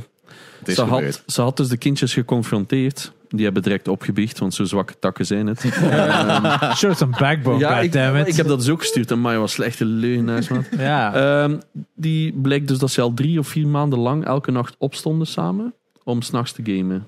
Wat ergens wel heel schattig is. Voilà, echt. Omdat zij vonden dat ze te weinig gametime kregen van haar. En Maar waar, waar gamede die dan? dus gewoon in de living beneden. Op de big ass tv, PS5, want ze had juist een nieuwe tv gekocht voor Ja. hen. Omdat ze hadden nog zo'n Amai, 32 amai. inch tv, kijk, ze vond dat niet meer passen met een PS5. Wat een diepe slaper is uw nicht, En wel, voilà, ik zei dat dus ook, hij is nooit wakker geworden om een keer Ja. naar het toilet te gaan. of Ja, niet, niet zo'n keer om, min, ze om drie uur gaan gaan schijten of zo. Ja, Echt- ah, wel, ze zei dus, ja, ik sla, veel kebab. exact. Dus die had dat nog nooit gemerkt. Maar die kinderen hebben dus direct opgebiecht. Ik zei, kijk, één, I respect hem. Ja. Ik zou dat ook gedaan hebben. En want mijn ma stuurde ook terug, ah, dat herken ik. Ik zeg, "Oh," ik zeg je moet even meegaan in het verhaal. Ehm, maar zij had ook zoiets van, ja, ik heb ze even weggestuurd. Ik weet niet wat ik moet zeggen. Want wat zegt je erop als uw kinderen tegen u zijn, ja, we staan al maanden s'nachts op omdat we van u niet genoeg mogen gamen. En ik zo, zijn die dan niet moe? Want Het, Ja, feit dat dat je dat, het feit dat zo al maanden ondetecteerbaar was, is zo van: kijk, technisch gezien, ik heb u nooit verboden om s'nachts op te staan. Je hebt eigenlijk niks Jawel. verkeerd gedaan. Want ze krijgen, maar, ze krijgen maar zoveel uur per dag game time. ah ja, oké, ja. Ja, Ja, oké. Schermtijd. Ze doen duidelijk iets verkeerd en ze Ja. weten het, maar het is zo goed gedaan dat je zoiets hebt van: kijk, Eigenlijk toch wel een klein high five. ja, Ja, ja, wel, voilà. well, well done. We gaan hier samen op. Maar, like, eh, maar echt straffen verdienen ze Voilà. niet, denk ik. Like, Ah, wel, maar de- dus ik had zo ook zo'n hele conversatie ze had, wat moet ik doen? Ik weet het allemaal niet. Is meer wat- game time geven en, en, en iets van straf geven, maar niet zo'n Ja. straf van "Oh, wat? Ga- Dan gaan we nu drie maanden al, dan gaan we nu drie maanden niet meer gamen. Zo, oh, Oké, settle, settle down, Satan. Zo. Wel, zo, zo dingen heb ik dus ook gehad als kind. Maar ik was wel veel erger als dat. Hè. Ehm, maar Maar je inderdaad... volgende dag gewoon niet meer wakker omdat je gewoon eh, de hele nacht gaat door. Ja, nee, ik, ik Zat ging ochtends daar gewoon nog. Ja, ja, vaak gebeurd. Ehm, en inderdaad zo'n heel gesprek erover had met haar van, ja, ik vind ook niet dat ze die per se gestraft hebben, want ze zei van, ja, ze hebben er blijkbaar nood aan. Ja, volgens hun deed iedereen in een klas ging ook s'nachts opstaan. Ja, ik had zoiets van, ja, ja, die ken ik al. En ik- en Iedereen en- drogeert hun ouders met slaappillen. Ja, en, ik, en ik hou de sigaretten bij voor de maten, zo dat Ja, soort shit. Zo. Maar ze zei, ik ga nu wel de controllers s'nachts meenemen. Maar inderdaad, zoals dat gezegd, ze krijgen meer game time. Nee, ze had het heel goed opgelost. Hè. Ehm, ze moesten een voorstel eh, maken. Een, eh, een soort... eh, Business proposal. Ja, een business proposal van hoe, hoeveel game time dat ze verdienden en waarom. Want hun punten zijn nog altijd goed. Dus je moet je- gewoon Ja. altijd luisteren naar je kinderen in zo'n moment. Want ze Ja. willen wel gehoord worden. En blijkbaar omdat ze te weinig game time hebben, voelen Ja. ze zich niet Maar gehoord. 10, 13 jaar is een... Ja, ja, dat moet al... Allee, vooral die van die 10-jarigen... Ja, hoop op. Ja. Maar die 13-jarigen moet al nog wat opletten in in zijn middelbaar. Hè. ja, ja, Ja, ja. eh, Om dan nog altijd goede punten te hebben. Man dan een stuk, s'nachts opstaan. ja, en ze gingen altijd om Die zes uur of zo terug in hun bed vlug, voordat ze wakker werden. Eh, voordat ze wakker gemaakt werden. Fucking respect. Ik zei, sorry, maar ik heb ook wel respect voor hen. Ik zei ook, ik heb ook gezegd van ja, sorry, ik hoop dat je mij niet hebt verlinkt, want anders ben ik niet de cool guy niet meer. Aha. Dus ik dacht, ik moet nog een beetje fixen van, ja, maar toch een beetje game. ja, maar ze hebben... Allee, los van het feit dat ze de discipline niet hadden om te luisteren, hadden ze wel de discipline om dat drie maanden consistent te doen op een manier dat ze niet gepakt zijn geweest. Ja. Ja. En als- elke avond? en als ik dus Ik weet niet nu... wat dat elke avond. Oh ja, Dat- zo, dat is zo stuurden ze mij dat wel. Maar Holy shit, ja, dat Ja. die dat niet fucking... Maar ja, ze, ze gaan ook natuurlijk wel een week naar de, naar de vader en daar hebben ze geen. Allee, Of Mm. hebben ze natuurlijk die PlayStation niet, dus het is wel Ja, week. ja, ah ja, ja. whatever. Eén week uitslapen en Ja. één week grinden. Ik denk dat het inderdaad zoiets is. Maar Dat die eh, vader waarom zijn die kinderen zo moe de laatste Ja. tijd? Maar ze spelen veel buiten, hè? Waarom worden die elke nacht om twee uur s'nachts gewoon wakker? een nieuwe bioritme. daar zo.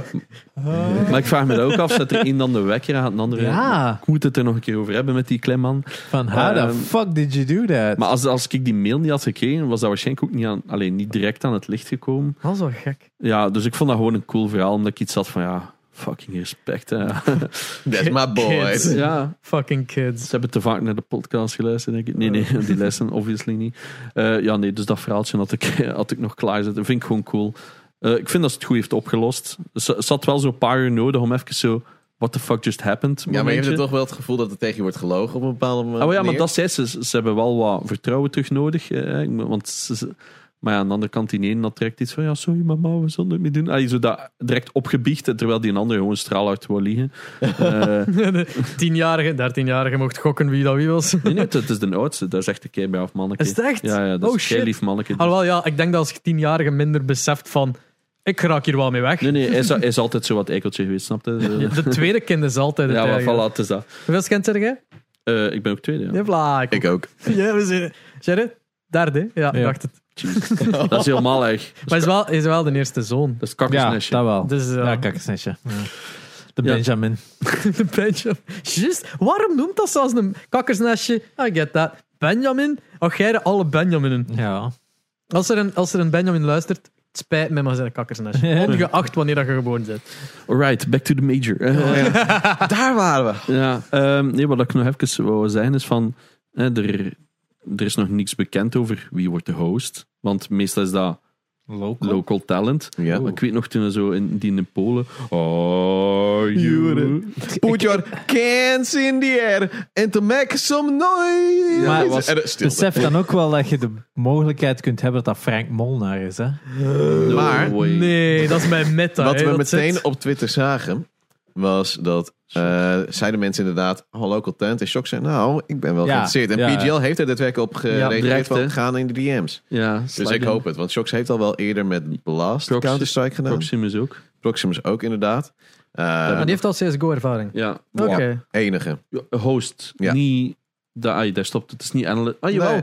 Blast heeft ze een stuk... eh, ja, ja, 100% zeker. Heeft ze een stuk... Allee, zo... Terwijl ze die behind the scenes... Zo Nou, tussenstukken... de desk eh, host en eh, Ja. interviews. En Ah ja, dus dat de- was echt de- niet zo slecht. Er is bij zo'n ma- major een verschil tussen de host en de caster. Ja, ja, ja. Ja, dus Oh, die heeft heel verschil. veel. Ah ja, ik weet dat het verschil is, maar, maar het is, Ja, daarvoor worden ze niet aangenomen. Weet wel. Je hebt bij kleine... host, analyst en caster. Ja, En dan vaak nog een interviewer en eh, Ja, een, een interviewer voor de spelers. En vaak nog een losse interviewer voor in de zaal als dat erbij komt. Ja. Oh, oké. ja, dat is giga. ah, Ik zeg het, we- dat we Dat spreken over miljoenen views. Hè.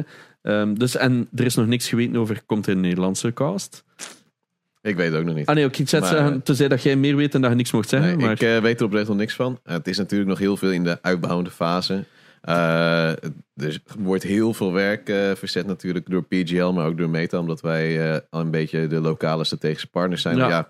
er moet toch een verbindenis zijn tussen Joni heeft gezegd. Antwerpen, die natuurlijk zelf niet zo game savvy is en niet weet wat voor schaal het is. Die krijgt te horen, oh wereldkampioenschap. Ah, we hebben Ja. wel eens een keer een wereldkampioenschap dit gedaan.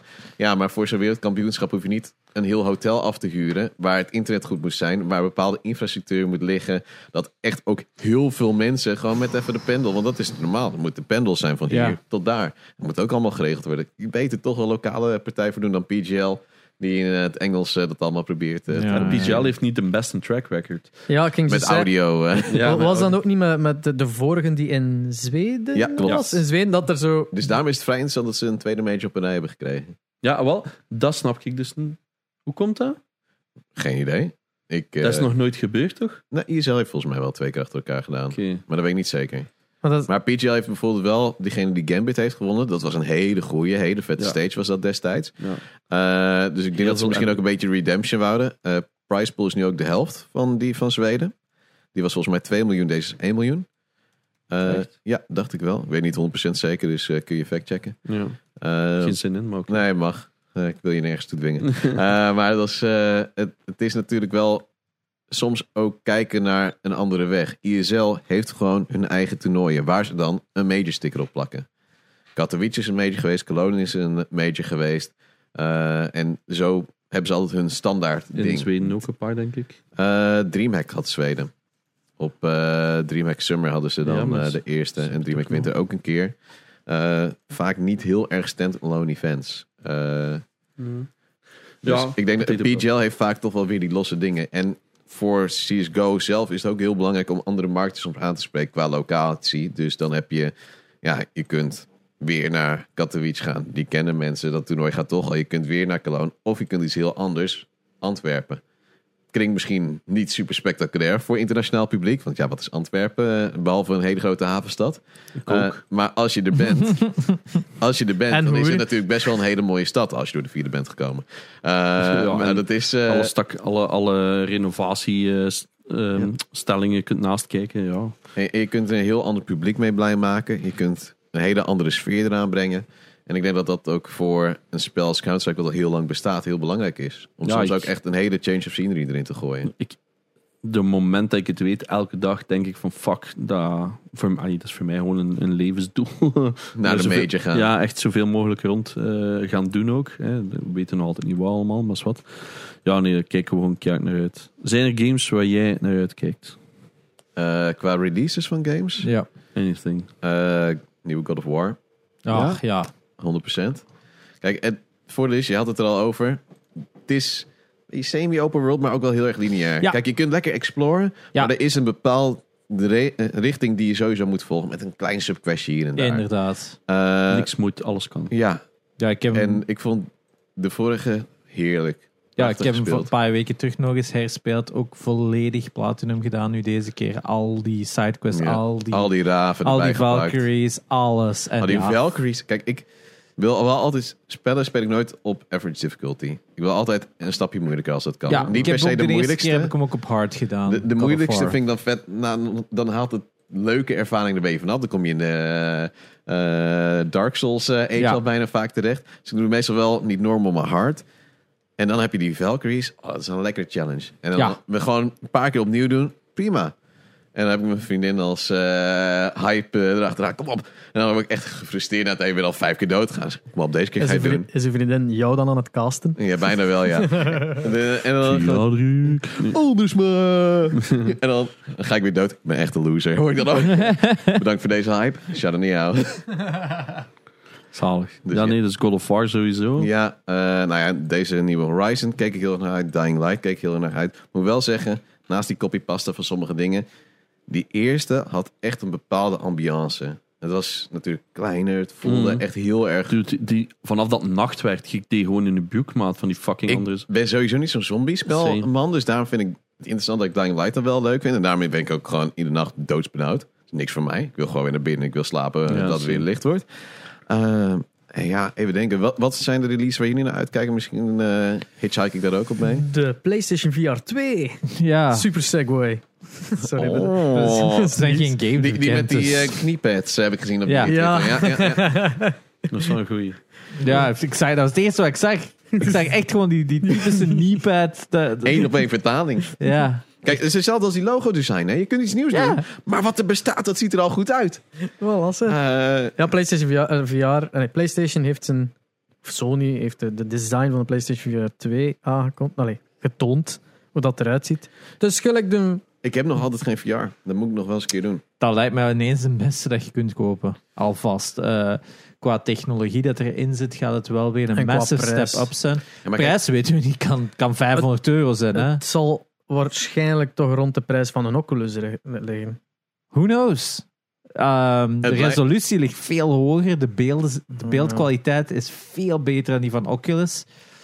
Sony heeft op dit moment een beetje ook wel... Alles is een beetje duurder geworden. Hè? De console is duurder de geworden. spelletjes. De, de spelletjes, de controller. Alles is 10% wel... Nee, 20% zelfs duurder geworden zeker.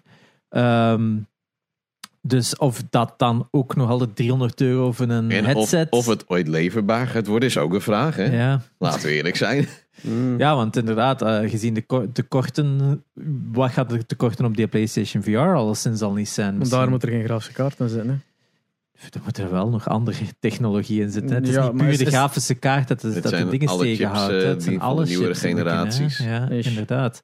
Eh, En, en de technologie dat daarin zit, moet ook zo snel zijn. Hè. Al die gyroscope, al die accelerometers, alles doorsturen, is aan zo'n lightning eh, snelheid in het geval van VR. Er mag geen delay op zitten. Dus wat er van components in zit, is sowieso geen. Is, ja, is het dichter bij de gsm natuurlijk qua tech. Dus je zou eerder moeten kijken naar hoe evolueert op de gsm-markt. Ik denk dat je daar meer een indicatie zult hebben op, op delays en, en qua hoeveelheden. Maar het belooft al sinds wel ja, de next big thing in VR te worden. Hè. Ja, maar dat is het Ehm, mooie van zo'n nieuw itempie eigenlijk. Want VR is nog relatief nieuw, kun je misschien ja, zeggen. s- Eh, daar Zes, zijn ze zeven jaar hoop en al. Eh, Z- Zelfs de computermarkt, nou ja, die grafische kaarten die vliegen ook weer om, de, om het jaar weer zoveel sneller, zoveel Ja. sterker. Dus waarom VR dan ook niet? mhm. Eh, dat is ook een van de redenen waarom ik er nog niet in heb gekocht. Eh, kijk, je kunt ook met de computer zeggen, na een tijdje moet je wel eens een keer. Ja. Eh, dus dan ga je het kopen en het jaar daarna is het alweer eh outdated op bepaalde vlakken. Mijn stream PC is van 2014. Maar ja, nou ja, dan merk je nu dat je als je een nieuwe grafische kaart bent, dat je een hypotheek moet afsluiten. Eh, Meer of twee verkopen. maar ja, precies. Maar met die VR, kijk, na, nu komt het wel. Na een tijdje gaat het wel weer stabiliseren qua groei. En dan moet er iets op de computermarkt zoveel beter worden. Moet dat weer betaalbaar worden. Dan gaat het ook weer doorvertalen. Ehm, maar ja, kijk, als PlayStation nu met een hele zieke VR-headset komt. Kijk, als hij dan ook op de PC compatible zou zijn, dan zou echt de rest van de markt misschien wel een beetje eh, ik kapot denk worden. in Maar hun PlayStation gaat dat interesse- niet doen natuurlijk. Ja, ik weet het niet. In hun interesse is het vooral units verkopen. Hè? Ja. Ik denk dat Maar VR niet- zo'n markt is dat je kunt zeggen van ja, we kunnen de headset evengoed ook beschikbaar maken voor PC. Mijn ogen lijkt me een slimme setting, eh, slimme eh, zet. Gewoon omdat je ook niet enkel gamers aanspreekt, maar je spreekt ook veel andere bedrijven aan Ja. die ook met VR bezig zijn. Want VR is tof in games, maar VR is veel groter in B2B. veel meer bedrijven. dingen. Ja, dingen, training, simulation, dingen. Eh, VR is veel groter dan games. Dat is waar dat je het meeste op hebt gevoeld. Dat merk ik ook in opdrachten dat ik krijg. VR is gewoon veel meer voor bedrijven, veel meer voor skills te leren. Als PlayStation dus nu de next big thing aan het maken is. Ja, er is wel een markt natuurlijk op PlayStation 5, maar PlayStation 5 is nog niet echt gezet. Het is nog niet echt ja, de, de, de, of ja, er zijn wel natuurlijk wel 18 miljoen consoles verkocht of zo. Maar het heeft nog niet de critical mass dat het had. Gelijk bij PS4, toen het de PlayStation VR uitkwam bij PS4.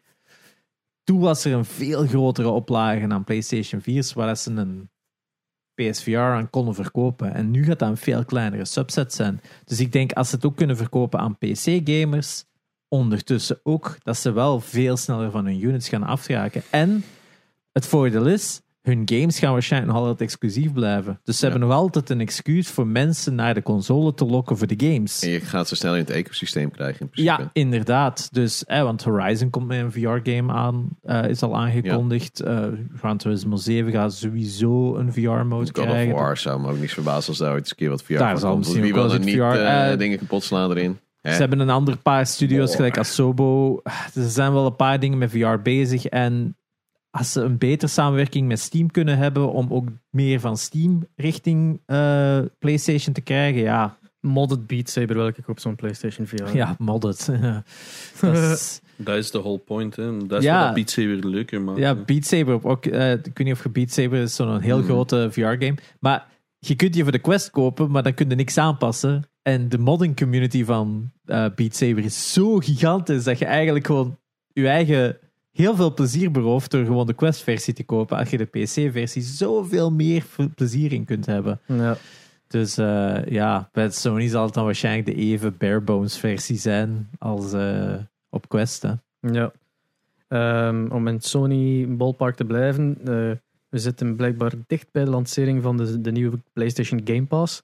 Ja, Spartacus. Code, codename. codename Spartacus. Eh, Want Shadow Warrior 3 is trouwens ook aangekondigd hiervoor. ja. Ja, voor PS Now nog wel. Ja, ja. Dat is de voorloper eigenlijk. Hè? Ehm, maar het is, het is een gerucht, maar het is van iemand die zo gaandeweg nogal alles juist heeft dat hem zegt.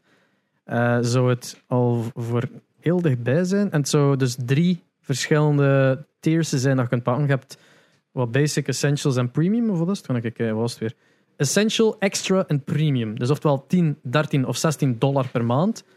De essential is gewoon PlayStation Plus. Dat is eh, gelijk dat PlayStation Plus nu is. Je hebt online play en je krijgt elke maand een paar games. Wow. Eh, de extra is ehm, hetzelfde, maar dan met de hele bibliotheek van PlayStation Now erbij. Dus eigenlijk gewoon de Game Pass, de library aan games, eigenlijk zo erbij. En dan heb je de premium, en dat is allemaal hetzelfde als voorgaande, maar met classics erbij. Ja, dat is hetzelfde als wat we twee maanden geleden Ja. al wisten. Dus- PlayStation 1, 2, 3 en PlayStation P, Ja. eh, eh, PSP en PS Vita. Shit, dat je zou krijgen. Koop ik. Ja, wel, 16 de maand, jongen. Dollar. Ja. Ja, maar dat doet hij 16 euro, hè? Ja, dat, is altijd zo. al, ja. Nou, Ja, als, ik als er 15 euro van maak, denk ik niet. hè. Nee, nog nooit. Ze zeggen altijd, oh, dat is 16 dollar, dat is ook 16 euro. Bij Apple is dat nog een keer omgekeerd en zelfs nog hoger in de... Echt? Ja, omdat de taxes gewoon zo Oh. hoog zijn. Oh. Ja, dus, eh, maar het zou... ehm, het mikt op een launch van lente 2022. Dus eh, Soon. het is very dichtbij. ja. April. Probably. Laten we hopen. Hè. Eh, hoe meer games, hoe meer plezier. hè. Ja, maar ja, het is ding, allee, we hebben al geïnvesteerd in Game Pass voor zo die service. Gaat, er- gaat er iemand hier de PlayStation Game Pass? eh, Ik denk dat ik mijn Xbox Game Pass zou af zijn. Ik gebruik die niet. Ik heb mijnen al laten verlopen. Ja, ondertussen. ik, ik gebruik dat gewoon niet. Ja, waar? Ja, ik gebruikte het ook niet, heb omdat te veel ik gewoon te druk was. Bastard! Ja, dat, dat is eigenlijk wel goed, want de, de, eh, die, de hele podcast lang, sinds aflevering 1, is dat zo van Game Pass is de beste deal dat er is. En zij zijn de enige die Game Pass hebben. Ik had dat niet. En dan Ja. zo iedere keer van, ah, ik heb dat gespeeld op Game Pass. Vooral Sheridan, Genox, eh praat me niet over. Maar Die eh heeft Counter-Strike gespeeld. ja, veel Counter-Strike gespeeld. En En Valorant. Maar dus eigenlijk, ja, heel tijd over de Game Pass bezig. En dan uiteindelijk heb ik gekeken, weet je wat, ik heb een Xbox Series X.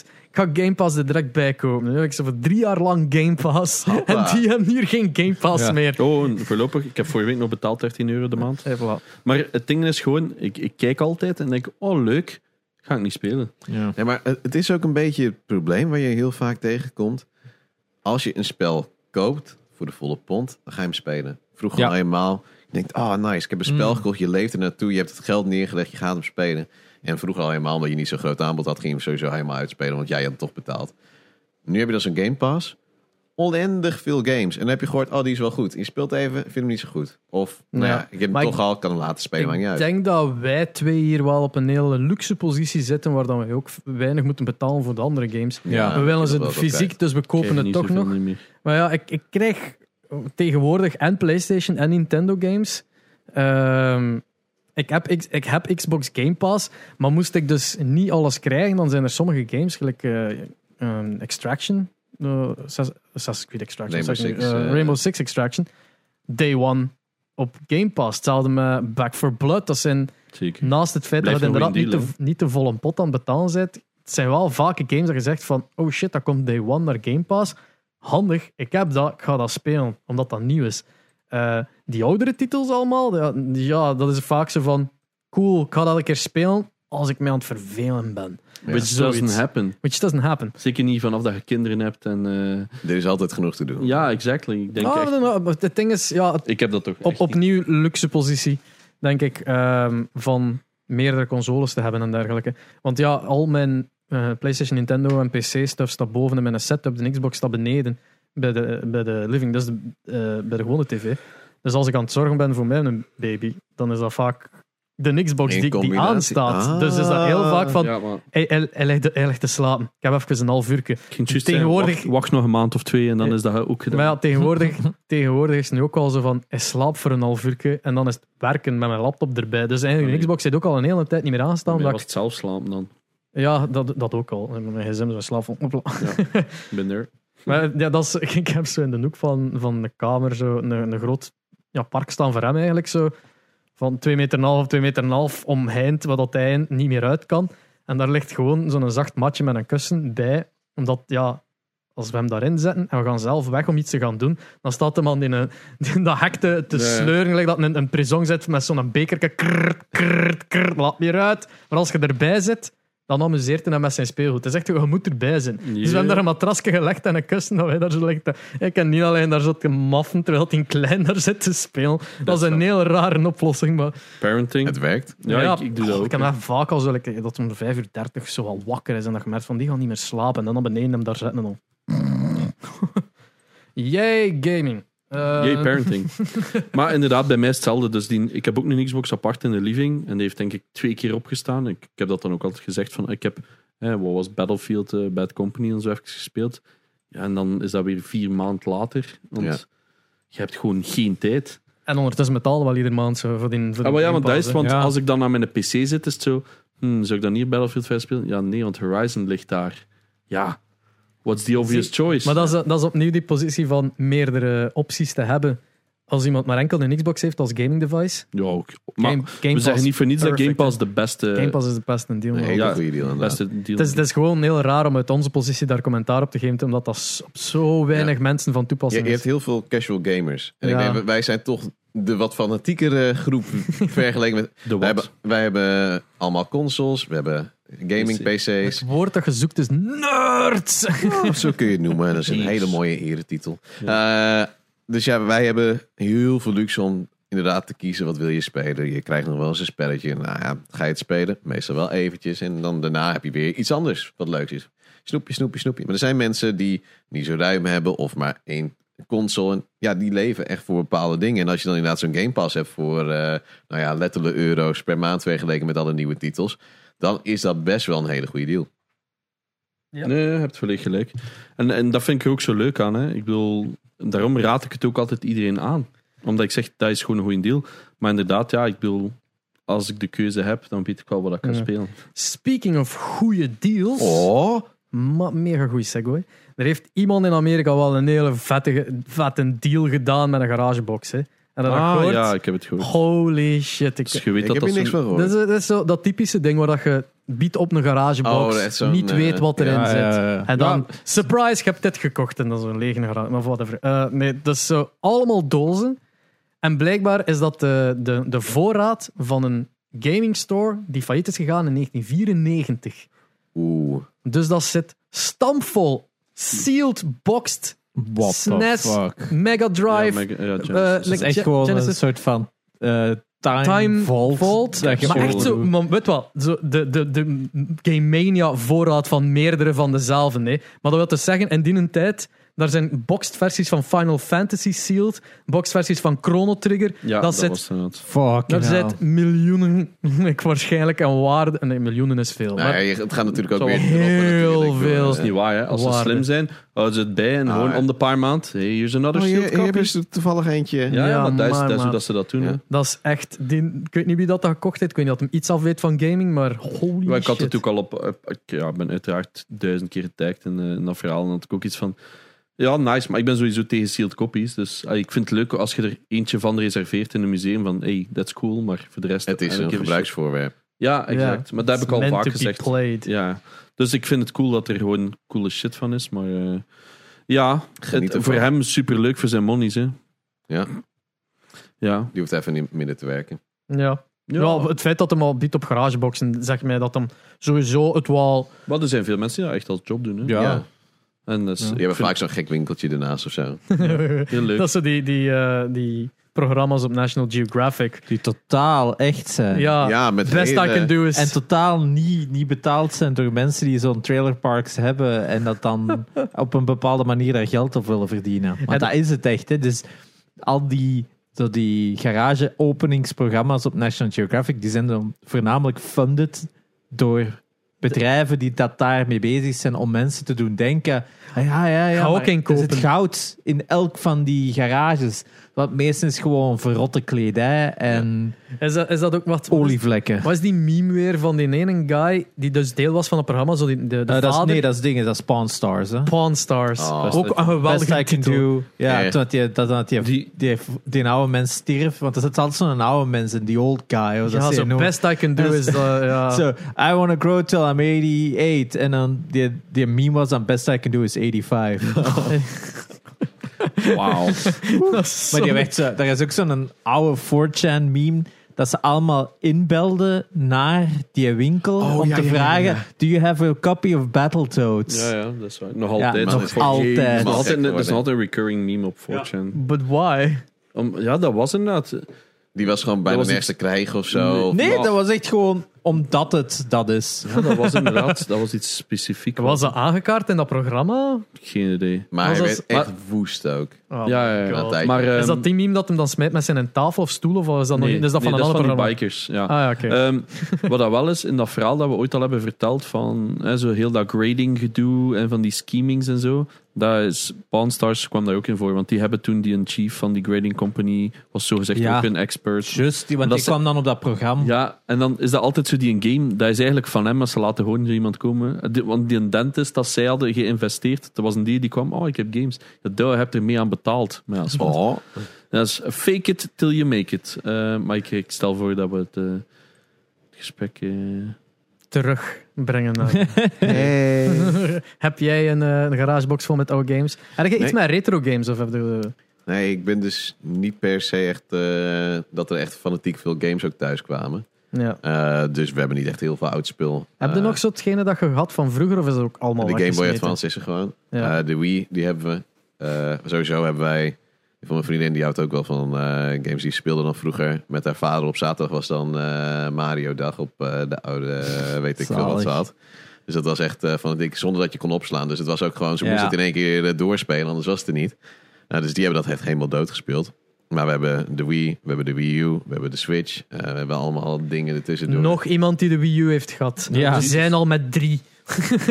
Gang, gang. Eh, nee, we hebben gewoon van de recente consoles hebben we heel veel. Eh, als je een keuze moet maken, je PlayStation of je Switch. PlayStation. Oké. Ja. Ja. ik bedoel, ik zeg Ja, niet dat nee, het een makkelijke keuze is. Kijk, hè. Eh, ja, de ik- Switch is leuk, maar ik heb altijd het gevoel dat het aanbod daarvan wat kleiner is in mijn interesse. Ja, ik heb dat ook vaak met games dat ik ze zo opstart. Er staan keiveel games op, maar er zijn zo weinig games dat ik zo zeg. Yes. Ja, ik wil blijven spelen. Ik weet dat, dat is super raar. Dat is Ja. super raar, maar bij, eh, ik- denk gewoon, er is minder van die games die je zo lang kunnen engagen. Zo'n paar sessies tot daar aan toe. Maar als ik zo echt zit te kijken van, oh, ik wil een meaty game, ik wil echt iets hebben waar ik mijn tijd aan kan insteken. Nee, ik denk dat het gewoon is dat het, het heel veel indie titles zijn. En indie titles zijn fantastisch. Maar bij indie titles is er ook heel veel ja, games die leuk zijn voor een keer, maar soms niet genoeg variatie hebben om er helemaal door te gaan. En vaak, en dat komt ook gewoon puur door budgeting reasons, is er ook niet echt een super engaging story om u bezig te houden. Er zijn uitzonderingen en een Hades, een Undertale. Er zijn genoeg games die het, Hollow het Knight. Hollow Knight en zo. Er zijn genoeg games in die titles die fantastisch zijn. Ik niks slecht over kan zeggen. Maar het probleem is dat er zo weinig third party op is. En als er vaak third party op is, dan hebben shitty ports gelijk een Apex Legends of zo. Ehm, Die trouwens ook net aangekondigd naar mobile komt. Ja, inderdaad. Wat? Apex Legends komt naar Mobile, mobile. For some reason. Ik speel hem Wat, lekker op de wat PC. is dat toch met, wat is dat toch met multiplayer shooters? Om dat op mobile te krijgen. De markt is huge. Ja, oké. Ja. Dat, onderschatten we sowieso niet, maar wij zien dat gewoon niet. Want Valorant had toch ook beloofd met een mobile game Ja, te komen? ik, ik doe niks aan spellen op mijn telefoon. Ik ook niet, ik snap maar anders niet. denk ik ook gewoon, als ik daar eenmaal aan begin, dan kom je er ook niet meer vanaf. Vind je? Ik, ik heb ni- echt niks mee. Ik vind dat zo onhandig, je hebt geen keys. Dat ook. Ja, maar kijk, dat is ook een beetje, we zijn de PC verslaafd, hè? Mm, ja, ik, ik doe alles, maar... Maar het is, ik, ik hoef het ook niet in mijn hand. Ik heb liever gewoon dat ik echt even lekker op een stoeltje, schermpie. Of het nou de PlayStation is of het nou de Ja. PC is. Ik denk dat dat ook mij een beetje tegen zit met de Switch. Het is toch vaak handheld. Je kunt het ook inderdaad op de tv Ja. spelen, maar dan heb ik toch liever dat echt doe ik. iets wat ervoor is gemaakt, zoals Ja, de PlayStation of in die richting. Of de Ja, ik, speel, ik speel dat met die Pro-controller voor mijn computerscherm en dat vind ik dan nog wel casual. Nou ja, snap ik. Maar ja, er zijn te weinig games dat mij interesseren. Ja, ja, ik had van de week nog wel nog een leuke gespeeld, zo Gato Roboto. Dat is zo'n kleine Metroidvania game, twee uur of zo. is niet van dat nummer. Mr. eh, Domo Arigato. Domo Arigato, Ja. Mr. Roboto. Roboto. Ja, ja. Eh, nee, maar wel een leuk titeltje dat je zo voor 3 of 4 euro kunt oppikken voor de Switch. Dus dat is wel fijn. Maar het is zo, dat is zo'n perfect size voor de, voor de Switch. Zo games die twee uur of zo duren en je zit er vanaf. Dat is perfect. Alles wat, ah ja, buiten zo de premium eh, AAA-titles van Nintendo zelf of zo. Maar meestal die kleine dingen, ja. Ik heb zoiets van, geef me even een goede experience en gaat allemaal weg. Dat ik je Ja. nooit meer moet zien. Ja, Ja. akkoord. We gaan wel een beetje moeten bij een afronden met een bezoek. Ah. Dus eh Hype. hype. Zijn er nog dingen, zijn er nog dingen dat je wilt hypen? Eh, iets wel je wilt pluggen of zo? Ja, eigenlijk. Plug jezelf. Plug mezelf. Ja, ik ben Tjadek Oldersma. nee, eh, volg me op Twitter, Toldersma. Voor de rest doe ik niet zo heel veel met social media. Mijn vriendin zegt soms, oh, dat is een leuke foto voor Instagram. Zeg ik, joep. Eh, nee, ik, eh, Heel af en toe is een story. Like, heel af, inderdaad. ging net dat toen dat je huis hebt gekocht, denk ik, dat het de Ja. laatste was of zo. Ja, dat is ook alweer dat de oktober. er Toen ben ik echt hard wezen klussen. Eh, ik ben echt, dat is het voordeel. 1 januari start ik met mijn nieuwe baan. Ik heb van 1 oktober tot januari fulltime zitten klussen. Dat was echt, nou ja, het was eh, half december waren we eindelijk eens een keer klaar. Maar ja, uitgewoond huis moet gewoon veel aan gebeuren. Eh, Hoeveel? weet ik hoeveel liter verf. Hoeveel moet er gebeuren? Als in... Nou, we moesten de dakramen vervangen. Er moet nog een nieuwe voordeur in. Die komt eind maart. Zo van, Eh, we- het is niet zo groot, groot plastic nee, het is gespannen gewoon voor enkel u. glas, dus er echt Ah, niks. oké. We hebben echt alles geschilderd. Hoeveel euro aan verf je er dan allemaal niet doorheen Oh, kan. Maar die mensen hadden honden. Niks mis met honden. Maar je, je kunt ook schoonmaken als je honden hebt. Ja. En je kunt het niet doen. Deze mensen konden dat Ik niet had, doen. ik had eens op een appartement dat ik ooit eh, huurde. Dat er letterlijk hondenhaar in de muur geschilderd was. Dat was bij deze. Ja. Niet anders. Deze mensen Ja. konden dan bedenken. Het is echt wonderbaarlijk. Als je iets ervoor zet, dan kun je er omheen schilderen.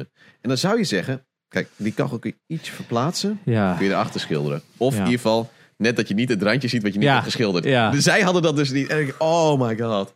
Echt zalig. Heer- heerlijke mensen. Heerlijke mensen. Ah, Nee, eh, verder echt weinig te pluggen. Volg me gewoon op Twitter. Eh, Ja. Kijk eh, de leads op eh Counter-Strike op Twitch. Esports Prime CSGO is daarvan een linkie. Eh, en ja, voor de rest op Twitter zie je wel weer eens als ik ergens op live ben. En ik weet het zelf meestal ook niet.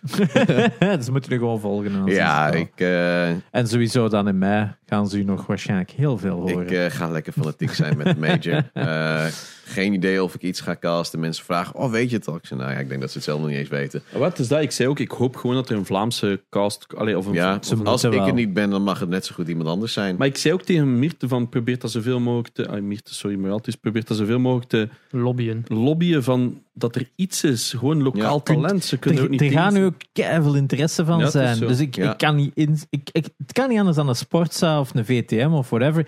Iemand daar toch op gaat willen springen, zou ik denken. mag hopen. Ja. Of een Play Sports of zo. Ik weet in het ieder niet geval een nieuwsitem. Kijk, een live show. Ik snap dat dat moeilijk is. Ja, Ik snap dat heel veel bedrijven het eng vinden. Oeh, het is wel een schietspel. ja. Dat is dus een beetje risky. Maar ik vind, het blijft een spel. En als je kijkt naar wat de vaste kijkers nu zeggen, die zien het niet als agressie. Pak, nu, pak nu Nederland en de Formule 1. Ja, Vijf jaar geleden, zes jaar geleden.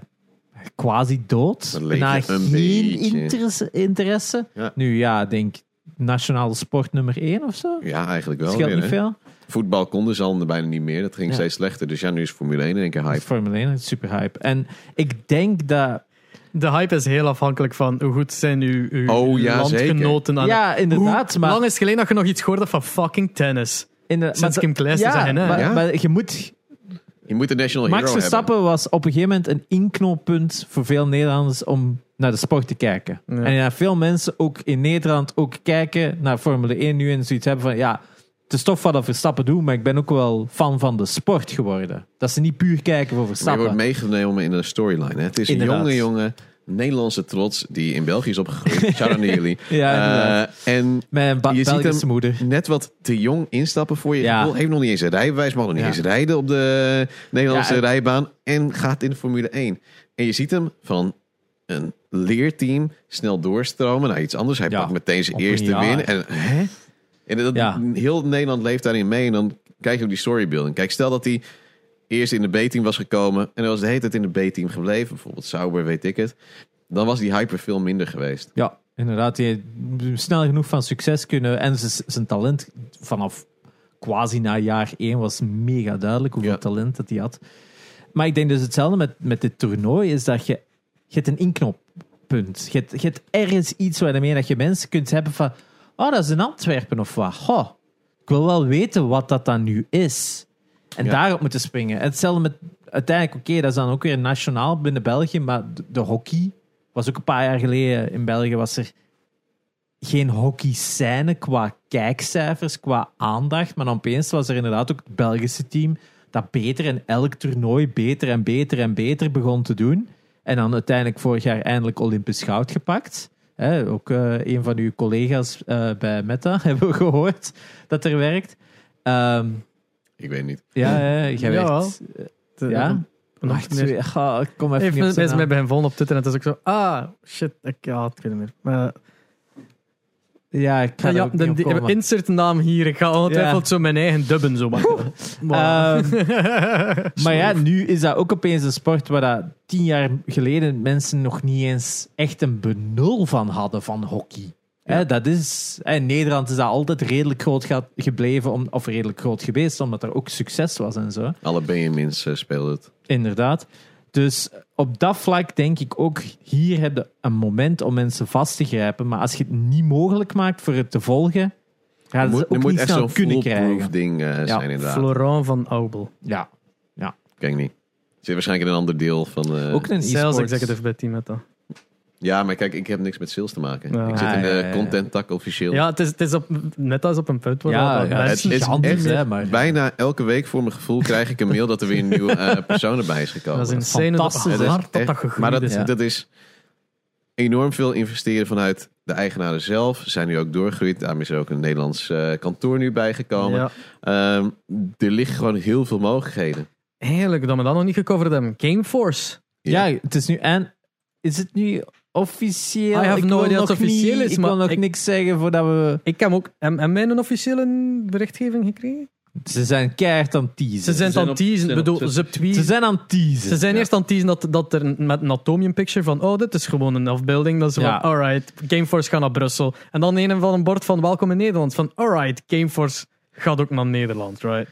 Ja, ze hebben een foto van de Nederlandse grens gepost. Ja, toevallig. Dus er zal waarschijnlijk iets in die bij- richting Huh? gebeuren. Er stond bij, huh, dit is toevallig of zoiets. Ja, zou, ja, zou dit iets mee te maken? Inderdaad. Hmm, dus zij gaan wat de, de, proberen de overstap te maken, I guess. Ja. Dus eh, ja, interessant. Hè? En nu ook dacht ik met, eh, met wat is eh, facts, dat Gameforce er dan ook eh, de games boot zou doen of zo. Is dat echt?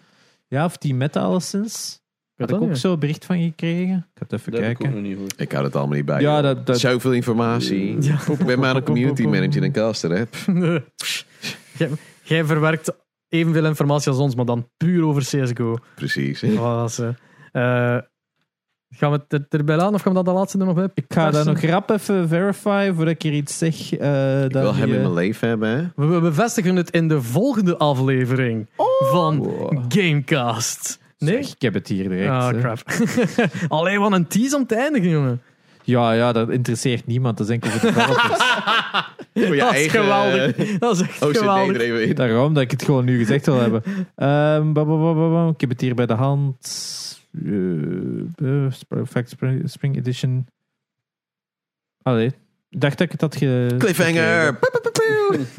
Dat, echt, ik kut hier gewoon de, de, Ja, de podcast af. Met. Meta, Meta organiseert nu de boots voor de games op Facts Spring Edition. Zeer Dus ik denk dat zij gewoon nog meer willen...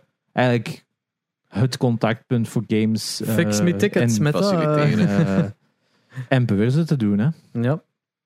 Ja, er zit eh, heel wat Aan te komen. Groei weer in ook. groei in gaming ook. ja. Nog meer. Wauw. Betaal ons voor dingen te doen voor jullie. Yes, Gamecast of Facts, please. Dank u wel. Eh, ik had trouwens nog een koelke, eh, maar dat ga ik nu niet zeggen. Oh, nog een oh. Nog een tease. Wat? Jij, verandert van gedachten zo. bij Ik heb nog een... Volgende keer. Nee, maar ik ga tegen jullie subiet zijn. Ah, ja, ja, ja. Ah, ja, en dan moeten we nog altijd die een Xbox en die een 3D Pulse weggeven, maar da- daar hebben we daar We nog gaan- een apart fragment voor maken. Ja, we gaan dat nu meteen doen na de podcast. En we posten dat op social media tegelijkertijd met de podcast. Poot, de podcast. Of als einde hierna, maar we hierna. filmen of zo.